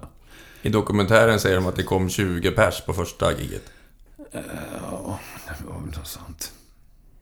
Och då var, nej, nej, då, första gigget, då hade vi nog ett förband tror jag till och med. Då var vi head, headline. Top of the bill, ja det var vi nog fan. Men det var ju ett jättelitet ställe och det kom, ja, det kom 20, det var väl 15 svenskar då. Mm. Och sen, ja, det var ett par ställen till sådana. Där det liksom vi flyttades ner i hierarkin för i princip varje spelning. För andra spelningen var det förband till förbandet. Och tredje spelningen var nog på Hammersmith Odeon. Den som var, fick alla droppar att rinna över. Då var ju förbandet i förbandets förband. och huvudakten var The Damned. Hammersmith Odeon är en jättefint ställe. Alltså, man hade känt till det. Liksom. Men det, man var ju helt bortkollrad där. Jag har hört efteråt att det finns liksom stora lounger och, och restauranger, barutrymmen och fantastisk eh, personalmat och allt möjligt liksom. Men det, det såg man ju ingenting av. Det var ju ingen... Vi hade ju ingen liksom, turnéledare på det sättet. Ingen, nej, men fan, vad- vi hade ingen turnéledare. Man kan inte säga att Blutte var turnéledare. Det var taskigt mot honom. Alltså. Han är en jävel på att hitta bolaget, men turnén... Nej. Så att... Eh, och då, det här med Smith Deon där, då var det ju... Då spelade vi först. Och då var det kanske 20-30 svenskar i publiken. Däribland Pimme och Fjodor.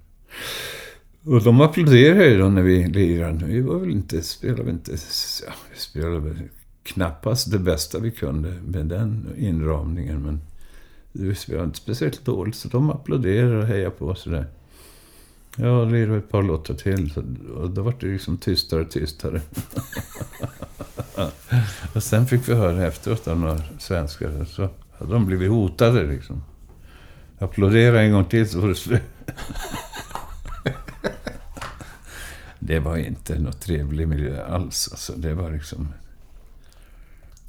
Jag har aldrig varit... I Sverige har det ju alltid varit så. Inte för att... Vi har inte spelat mycket med engelsmän i Sverige, men alla förband man har haft, man har ju liksom varit schysst och ställt upp. Det är klart du får låna mina trummor. Liksom. Mm. Där var det precis tvärtom. Liksom. Kunde de skulle de fan skära halsen av en. alltså. Mm. För, och inga gager heller. Det var liksom ingenting. Jag vet inte fan om man fick någon mat ens en gång. Och gaget var liksom, jag kommer ihåg stickan tog hem första gaget och ramade in. Och vad fan det nu var, 10 pund. tror jag det var. Allt som allt. Åh, jävlar. Och då, nej, det kan det väl inte ha varit. För de gjorde ju avdrag dessutom för ljud och ljus. Bra deal! Nej, ekonomiskt var det ju helt... Så då skulle vi göra två spelningar till med de här Damned. Någon annan. Men det ställde vi in. Sket vi fullständigt. Så vi, vi gjorde några spelningar till. Och, ja, ett par av dem på något nå college eh, någonstans i Worcester eller vad det var. Det gick jävligt bra. Speciellt en. De var ju helt... Där var de helt begeistrade. Där hajade de grejen kan man säga. Mm. Så att vi lirade alla våra låtar och fick lira en massa låtar på svenska. De ville aldrig att vi skulle sluta. De höll på att dansa där. Oj, oj, oj. Så att det, men det var ju... För Damned, är inte det typ punk eller? Jo, det var ett av de största punkbanden. Ja. Så det känns ju konstigt att ha er som förband i ett punkband. Ja, jo, men var ju den tiden då. Mm. Vad fan. Alltså det måste ju varit tidigt 79 tycker jag. Eller ja, någonstans där. Ja, ja, nej, jag vet inte. Men det var ju mest en grej liksom. Eller, eller det, var, det var kanske mer Stickan och jag. Nu kommer jag ihåg det. Vi var ju över faktiskt till London. Det var väl 78, 79. Flera, flera gånger med, med liksom olika singlar. Så jag gick runt till skivbolag sådär. Men det, är ju, det var ju nobben överallt. Liksom. Det var ju bara, man måste ju ha en manager eller, eller någon, någon agent eller någonting. Liksom. Så då började vi gå runt i sådana. Och, ja, vi ska titta på det. Ja, det här låter väl bra. Liksom. Sen hörde man aldrig inte ett ord till. Liksom. Så, men vi hade i alla fall gjort det. Det var ju liksom... Ja, på, jag vet inte om man säger de som...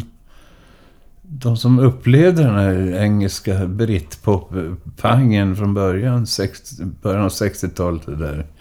Det, jag tror det var extra stort för dem på något sätt att, att lira i England. Liksom. Mm. Det, var, det var liksom moderskeppet på något sätt. Mm.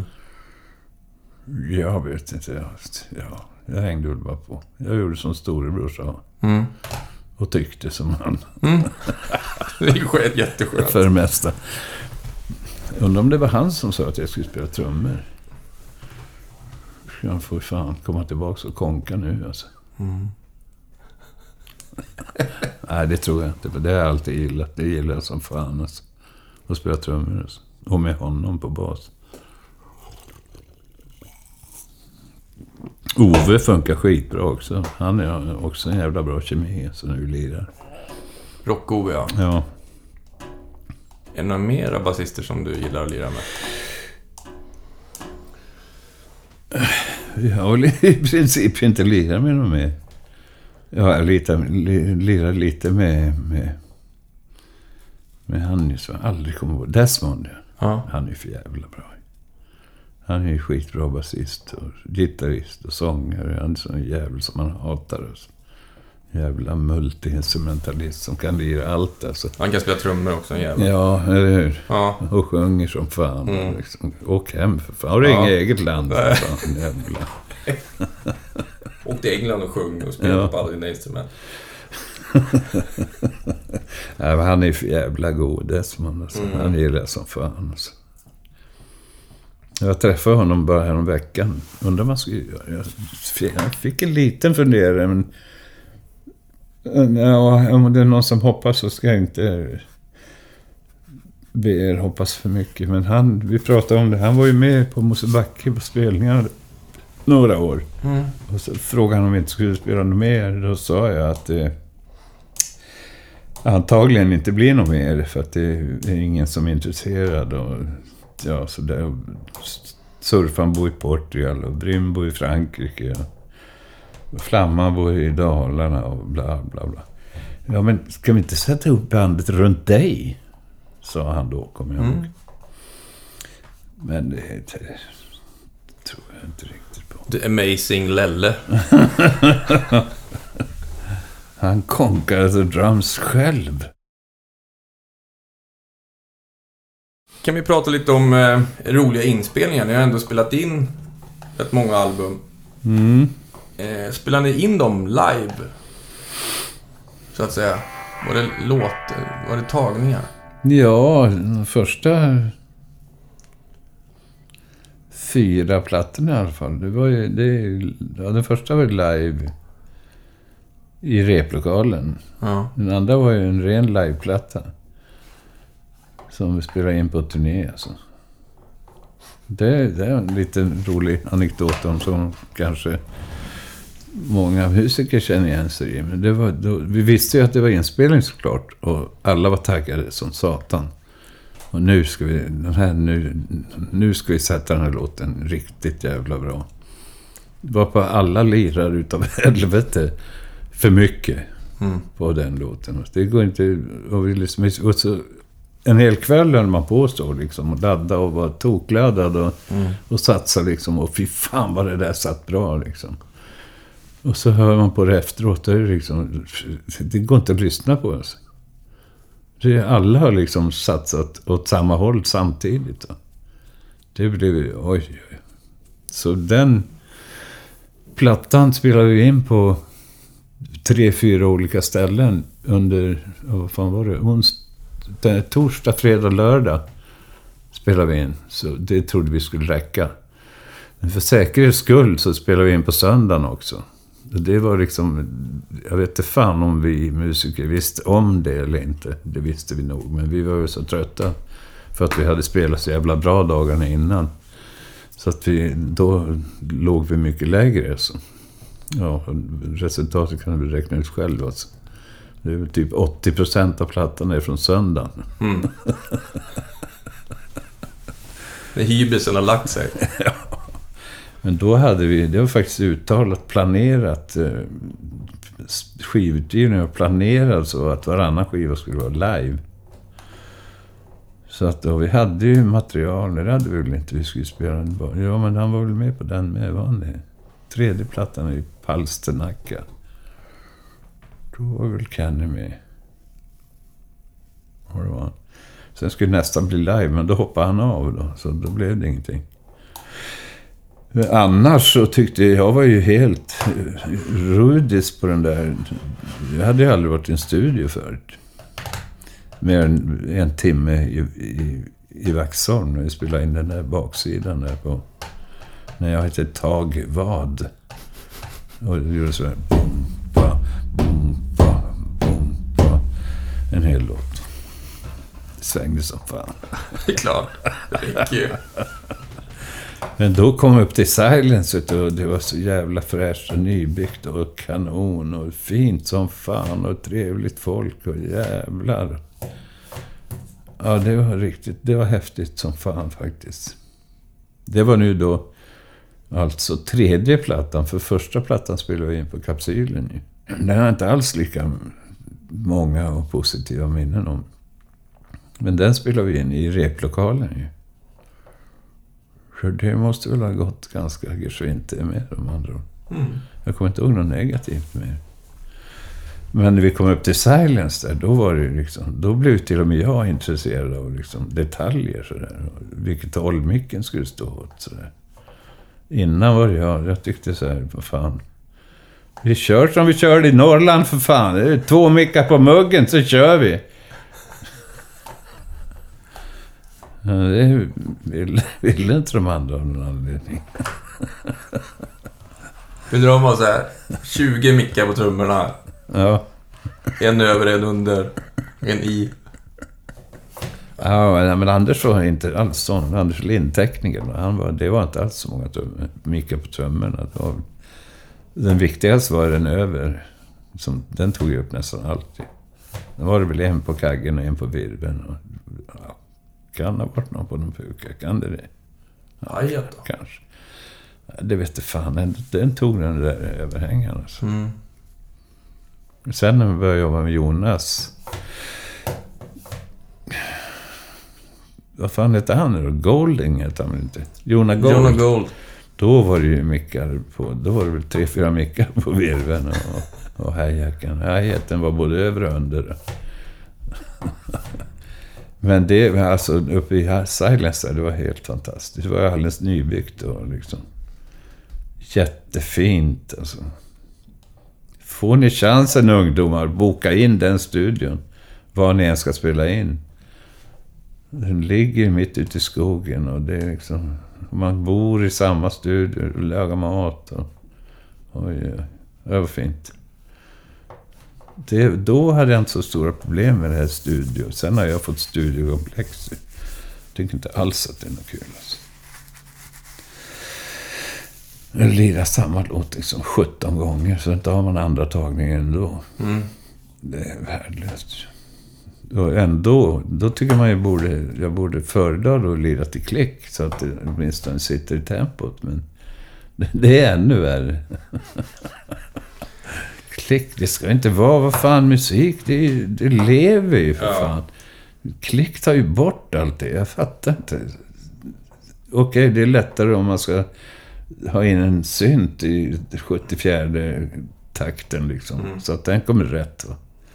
Men, ja men ha det då. Låt skit i mig, jag är inte med på det. Så att det, har, det försökte vi med mycket. Men, och Johan har ju hållit på med och snackat med Silversurfaren. Och, Mm. Men alltså, det har aldrig funkat för mig. Jag har, inte, jag har inte varit tillräckligt intresserad antar jag. Att spela till klick alltså. Jag har gjort det någon enstaka gång och det har inte blivit bra. För det där det är ju samma som att lira med skivor. De håller ju inte tempot de där grejerna. Vet inte, fan, de är väl gjorda i Japan eller något sånt. Det är en annan jävla sol där. Alltså. Det är en annan sväng där, ja. Ja.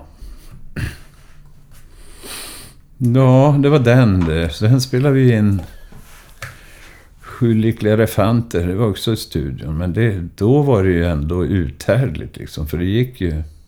Jag tror inte att vi spelade någonsin. Gjorde 17 tagningar av någon låt. Det tror jag inte. Men, men upp på 10 var det säkert med någon. Alltså. Men de flesta satte vi på 2-3 sådär. Men det var ju då... Det har ju blivit mycket bättre nu. För då var det ju... Ja, man snubbla till bara eller tappade trumstocken mitt. Då fick man ta om hela skiten ju. Nu är det ju bara ett spår. Det är bara att klippa om och klistra lite. Mm. Det är ju klara fördelar såklart. För, för då, för då fick ju som sagt hela bandet ta om allting från början. Så det gick väl bra. Och det var ju jävligt roligt när vi hade spelat in den klart. Då tyckte vi väl också själva att vi var ett av världens bästa band. För då skulle vi åka till Bahamas minsann och mixa den där. Det gjorde ju de stora grabbarna. Det var jävligt kul. Vi betalade ju det själv såklart. Vi fick ju ing... Den sålde ju bra sen. Det visste vi ju inte då i och för sig, men... vi fick någon slags förskott på royaltyn av Silence så att vi kunde åka dit. Så vi åkte dit nästan allihop. Med en tejp då, eller? Ja, mastertapen. Ja. Berätta lite om åka till Bahamas med en mastertape. Ja, det var ju nyårsafton två gånger. Först i LA och sen i, i Nassau. ja, men det var ju, Anders Lind var ju med och han, han höll ju den mastertapen tätt intill sitt bröst. Intill sitt bröst. Mm. Ja, så kom vi dit och hade vi beställt någon... Ja, dels bodde vi och dels var det ju jävligt trevlig, trevligt väder. Vi åkte dit på nyårsafton som jag sa härifrån. Och då kom vi först till Los Angeles, det var nyårsafton där. Ja. Så var det ett par timmar senare när vi landade i Nassau, då var nyårsafton där. Och då hade de en jättelikt karnevalståg där som gick. Det var också väldigt kul. Jag var inte så hemskt nyktra då, men kul var det. En del tappade sina skor. Och en del stod och kollade på det där tåget. nu. Och när de kom andra varvet, då var det så här 17 000 färgade människor. De dansade och hoppade och det är jättekul. Och så jag. I det där tåget. Jag hade hittat någon trummor att slå på. Jag, de accepterade mig utan problem. Det var skitkul alltså. Det var riktigt kul. Men de, det var ju lite... Alltså det där är ju också... Det, det är ju såna... Ja, jag vet inte om de tror väl inte att alla vita är miljonärer, men nästan. Så det, halva bandet blev rånade där första dagen. Och, på skor till och med. Hur gick det med mastertapen då? Jo, då, den kom ju in i studion där. Men det första då var ju ett totalt bakslag, för då han som vi hade hyrt, anledningen till att vi åkt dit var ju en känd snubbe som hade mixat, ja, han, Bowie tror jag, Mm. och något annat. Ja, men det första vi fick höra då, det var att han hade fått förhinder, så han var kvar i New York. Och så var det någon annan, och andra valet, han kunde inte heller. Så vi fick något tredje, det var någon helt okänd. Eller det kanske inte var, men... Och det blev ju bra tycker jag. Men, men det var ju vissa som blev väldigt besvikna. Så det var ju... Ja, vilka var det som var med och mixade där nere? Det var väl Bumpabärra och Percussion tror jag. I princip bara. Vi andra gjorde andra saker. I vad det nu var, tio dagar. Då åkte vi hem. Det var kul. Och sen kom ju någon slags... Sen skulle det ju vara en liveplatta då igen. Blir det så? Nej, det blir det ju inte. Nej, men då la vi väl av också innan det blev så vart någon hopkokplatta där. Nu säger, nu säger inte jag något mer. Nu svarar jag bara på frågor. Ja, precis. Så vi kommer härifrån någon gång.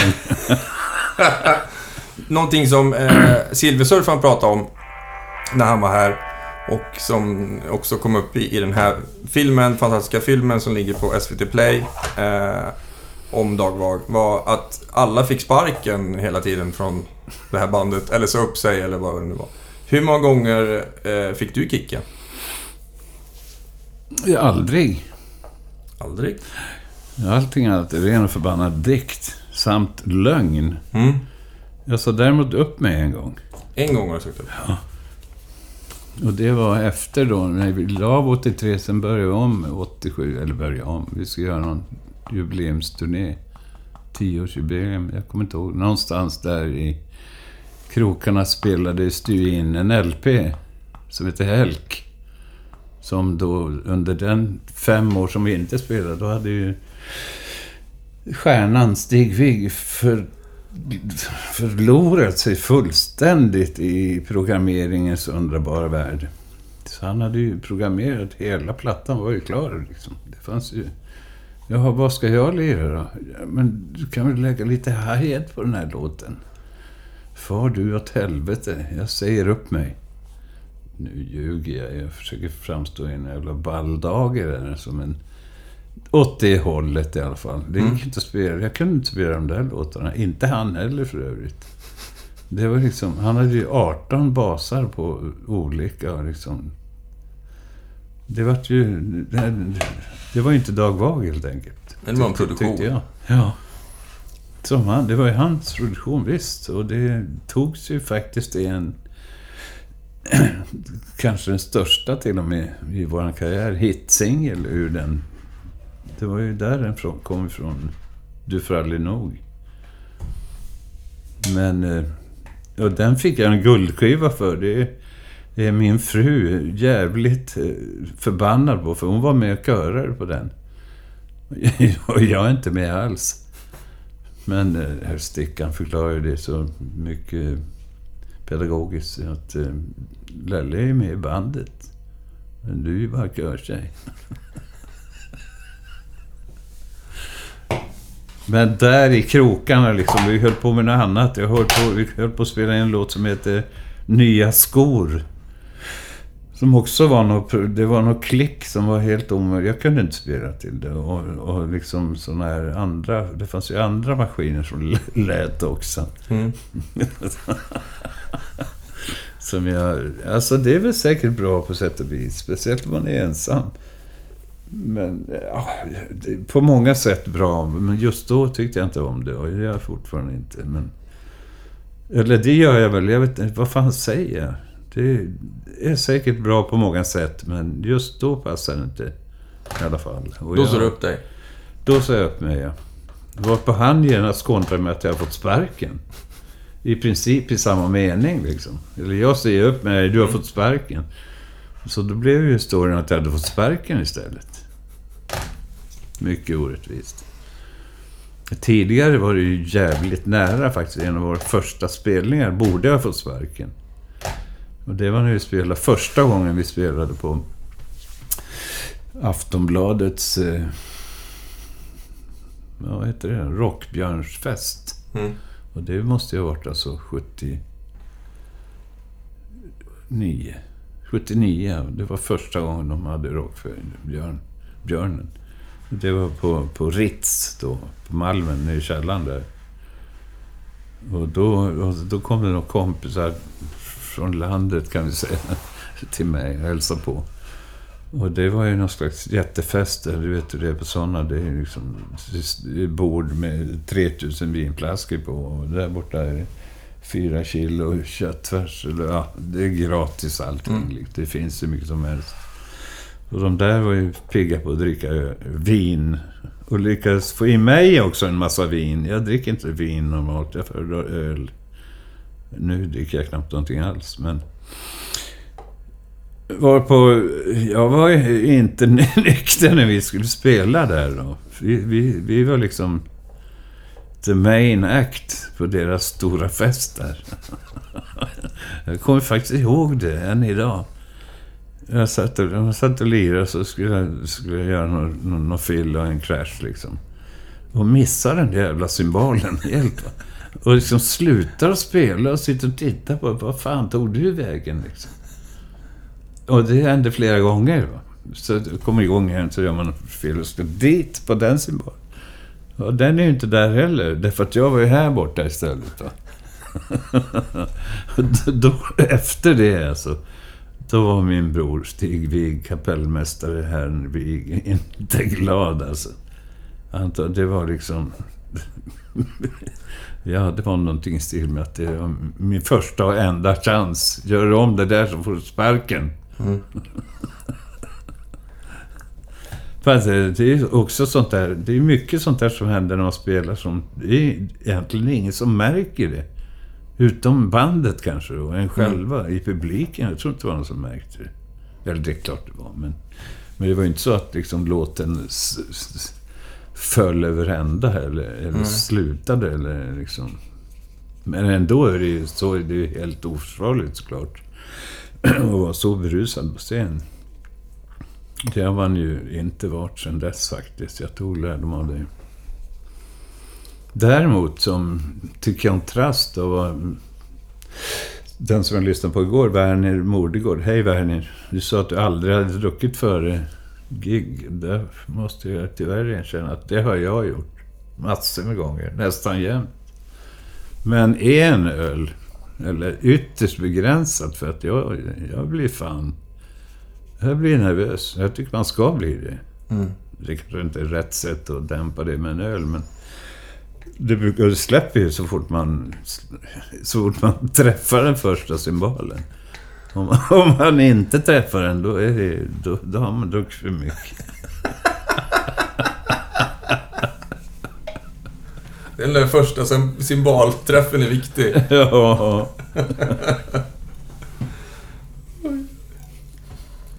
Det finns en fråga som jag tycker är rolig så här. Eh, när ni har varit ute och åkt så här på turné och sådär. När gick det åt skogen liksom? När... Har du några så här katastrofstories när det gick riktigt dåligt och... Eller, Ja, jo, det har vi nog. Men det där är ju mitt minne så jävla dåligt alltså. Jag kommer ihåg en, en utav de tidigare. Jag tror nog att det var... Vi skulle upp till Åre och spela. Jag hade fått någon gig där på, på bakluckan. Så Björn Skifs lirade på största scenen. Liksom. Vi lirade bakom på något sätt. På samma hak liksom. Och så skulle vi upp och åka över någon bro. Då lossnade släpet.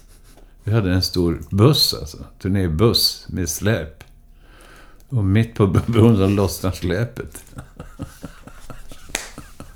ja, det kommer jag inte ihåg exakt hur vi redde ut alltså, men det slutade lyckligt. Sen, sen kommer jag ihåg en annan sak angående bussar. Också en av de första turnéerna vi skulle åka på. Då hade vi en engagerat en busschaufför som hette... Ja, det är väl onödigt att säga det. Jag kom precis på det faktiskt. Mitt minne är inte så jävla dåligt ändå. Men, ja, Janne hette han i förnamn.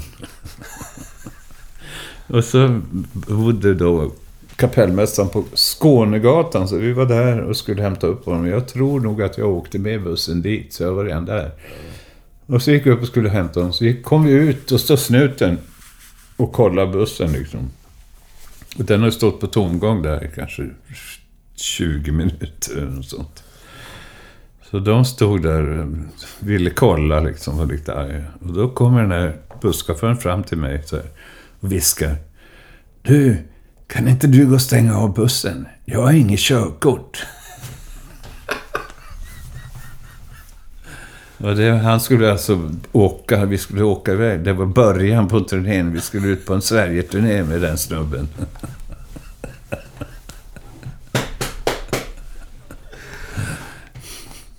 Perfekt jobb på... Herregud alltså. Kom ni köra den sen då? Eller fick du köra eller? Ja, nej, jag hade ingen körkort heller på den tiden. Inte på sådana tunga fordon. Nej, jag, jag, tror att han körde faktiskt. Jag tror att, det, jag, tror att jag gick och stängde av bussen och då drog de. Sen satte han sig bakom och körde. Det är ju, alltså jag har varit busschaufför. Jag, har, alltså, jag är arbetare som sagt. Jag har Mm. aldrig... Jag levde på musik då i ungefär knappt tio år alltså. Det är enda tillfället jag har levt på musik. Sen har jag fått en massa trevliga biinkomster och extra plus och bonusgrejer och sånt där. Såklart, eftersom jag har jobbat i princip heltid med andra grejer hela mitt liv. Alltså. Ja, Det, och det ångrar jag inte en sekund. Alltså. Jag kunde haft bara lite mer band att lira med. Just nu känner jag. På startet då? Annons! Annons. Jag behöver inte slå så hårt nu för vi är i studio. Söker jobb. Gärna 50-60-talspop. Är det det du vill lira nu? Ja, jag gillar det som fan. Det är kul att spela. Mm. Så om någon sätter ihop ett Stones-band, då, då, då är du med? Ja, då är jag med direkt. Ja, Stonesband direkt. Jag har varit med i flera sådana också. Men däremellan 83 och 88 eller vad, då var jag med i flera sådana. Ett som hette Clark Kent, bland annat. Ganska känt. Mm. Det var med han... Eh, Rattmuffen. Vad fan heter han nu då? Gösta Engström. En känd svensk komiker. Från början speedwayförare. Men han var med i de här eh, Åke och Åke på den här Motorsågsmassakern heter det Mm. inte. Melodi... Vad heter det? Massakern någonting. Nöjesmassakern. Han hade ett band som hette Clark Kent. Han var sångare och munspelare. Han var rätt bra faktiskt. Ja, det var ju sådana odödliga covers som så Chuck Berry och skit. Eller skit. Bra Mm. låtar. Jättebra låtar ju. Kul att spela. Och så har vi ett par andra sådana. Ett som heter Dr. Krall. Som också lirar som musik. Men mycket, mycket entusiastisk kapellmästare som hade massor med pengar. Som sydde upp kostymer. Så- Oj, det var mycket sånt. Och alla fick gage. Utom han. Han var miljonär. Han hade gjort bra affärer. Så. Men det, var, det funkar också. Skitkul. Mm. Det var ju be- betydligt färre... Inte för, nej, det ska jag inte säga. Jag höll på att säga det, så det är lika bra att säga det. Det är betydligt färre gropis i de tra- trakterna. Å andra sidan var det inte speciellt mycket i de förra trakterna heller. Inte för mig. Jag var gift för det mesta. Men det fanns ju i alla fall. Om man ville. Men det är ju sämre då med 60-talsrocken. Jag menar, de finns väl också, men de, de är ju typ 60-70 bast, minst. Ja. Det är väl kanske inte... Man kan ju mysa med dem, men Mm. och det är väl bra så. Mm. Underbart. Det är de här groupisarna. Men det här, men det Kalle Krall, det är bandet alltså. Och även det andra. Det, folk är, alltså... Man tror inte det när man är normal, jag på att säga. Men ute på ställen så folk dansar ju som fan. Mm. Nyktra. Mm. Ja, de håller på och buggar och svänger runt och har... Och det, och det är olika favoriter. Och där kommer han och han dansar skitbra. Och alla är nyktra och odrogade vad det syns alltså. Det, det är ganska stort tror jag i Sverige faktiskt. Mm. Och jag spelar på massor med sånt, så det är skitkul. Skulle vara kul att spela på det här Malung, Dansbandsveckan. Skulle vara kul. Ja, Liksom det kommer dit 10 000 personer som dansar, eller 20 eller 30 och de är. ja. och spela dans, ACDC dansbandstakt. Ja, Något sånt. ja men precis. Ja, men typ. Dansbandscountry och allt är dansband. Ja. Och alla dansar. Det måste ju vara toppen. Vi får starta ett dansband. Du och jag. Ja, The Amazing Lelles Dance Band. Det är Amazing Lelles lapdance. Lapdance. När ni var på toppen där med Dag Vag, eh, vad hade ni på eran riderlista till år sedan? Ja, jag kommer inte ihåg att vi hade något speciellt. Alltså. Det var ett par backar bira. Mm. Var väl det. Liksom. Och några handdukar. Det var vi har aldrig något extremt. Vi hade med oss själva.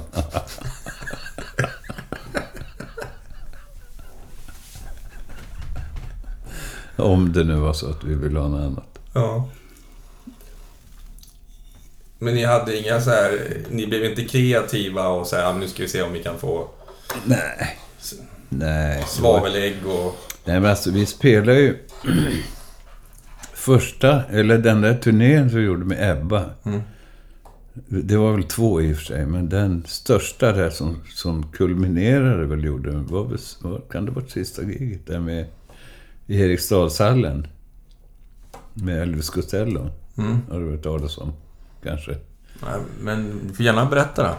Ja, Elvis Costello hade turnépremiär.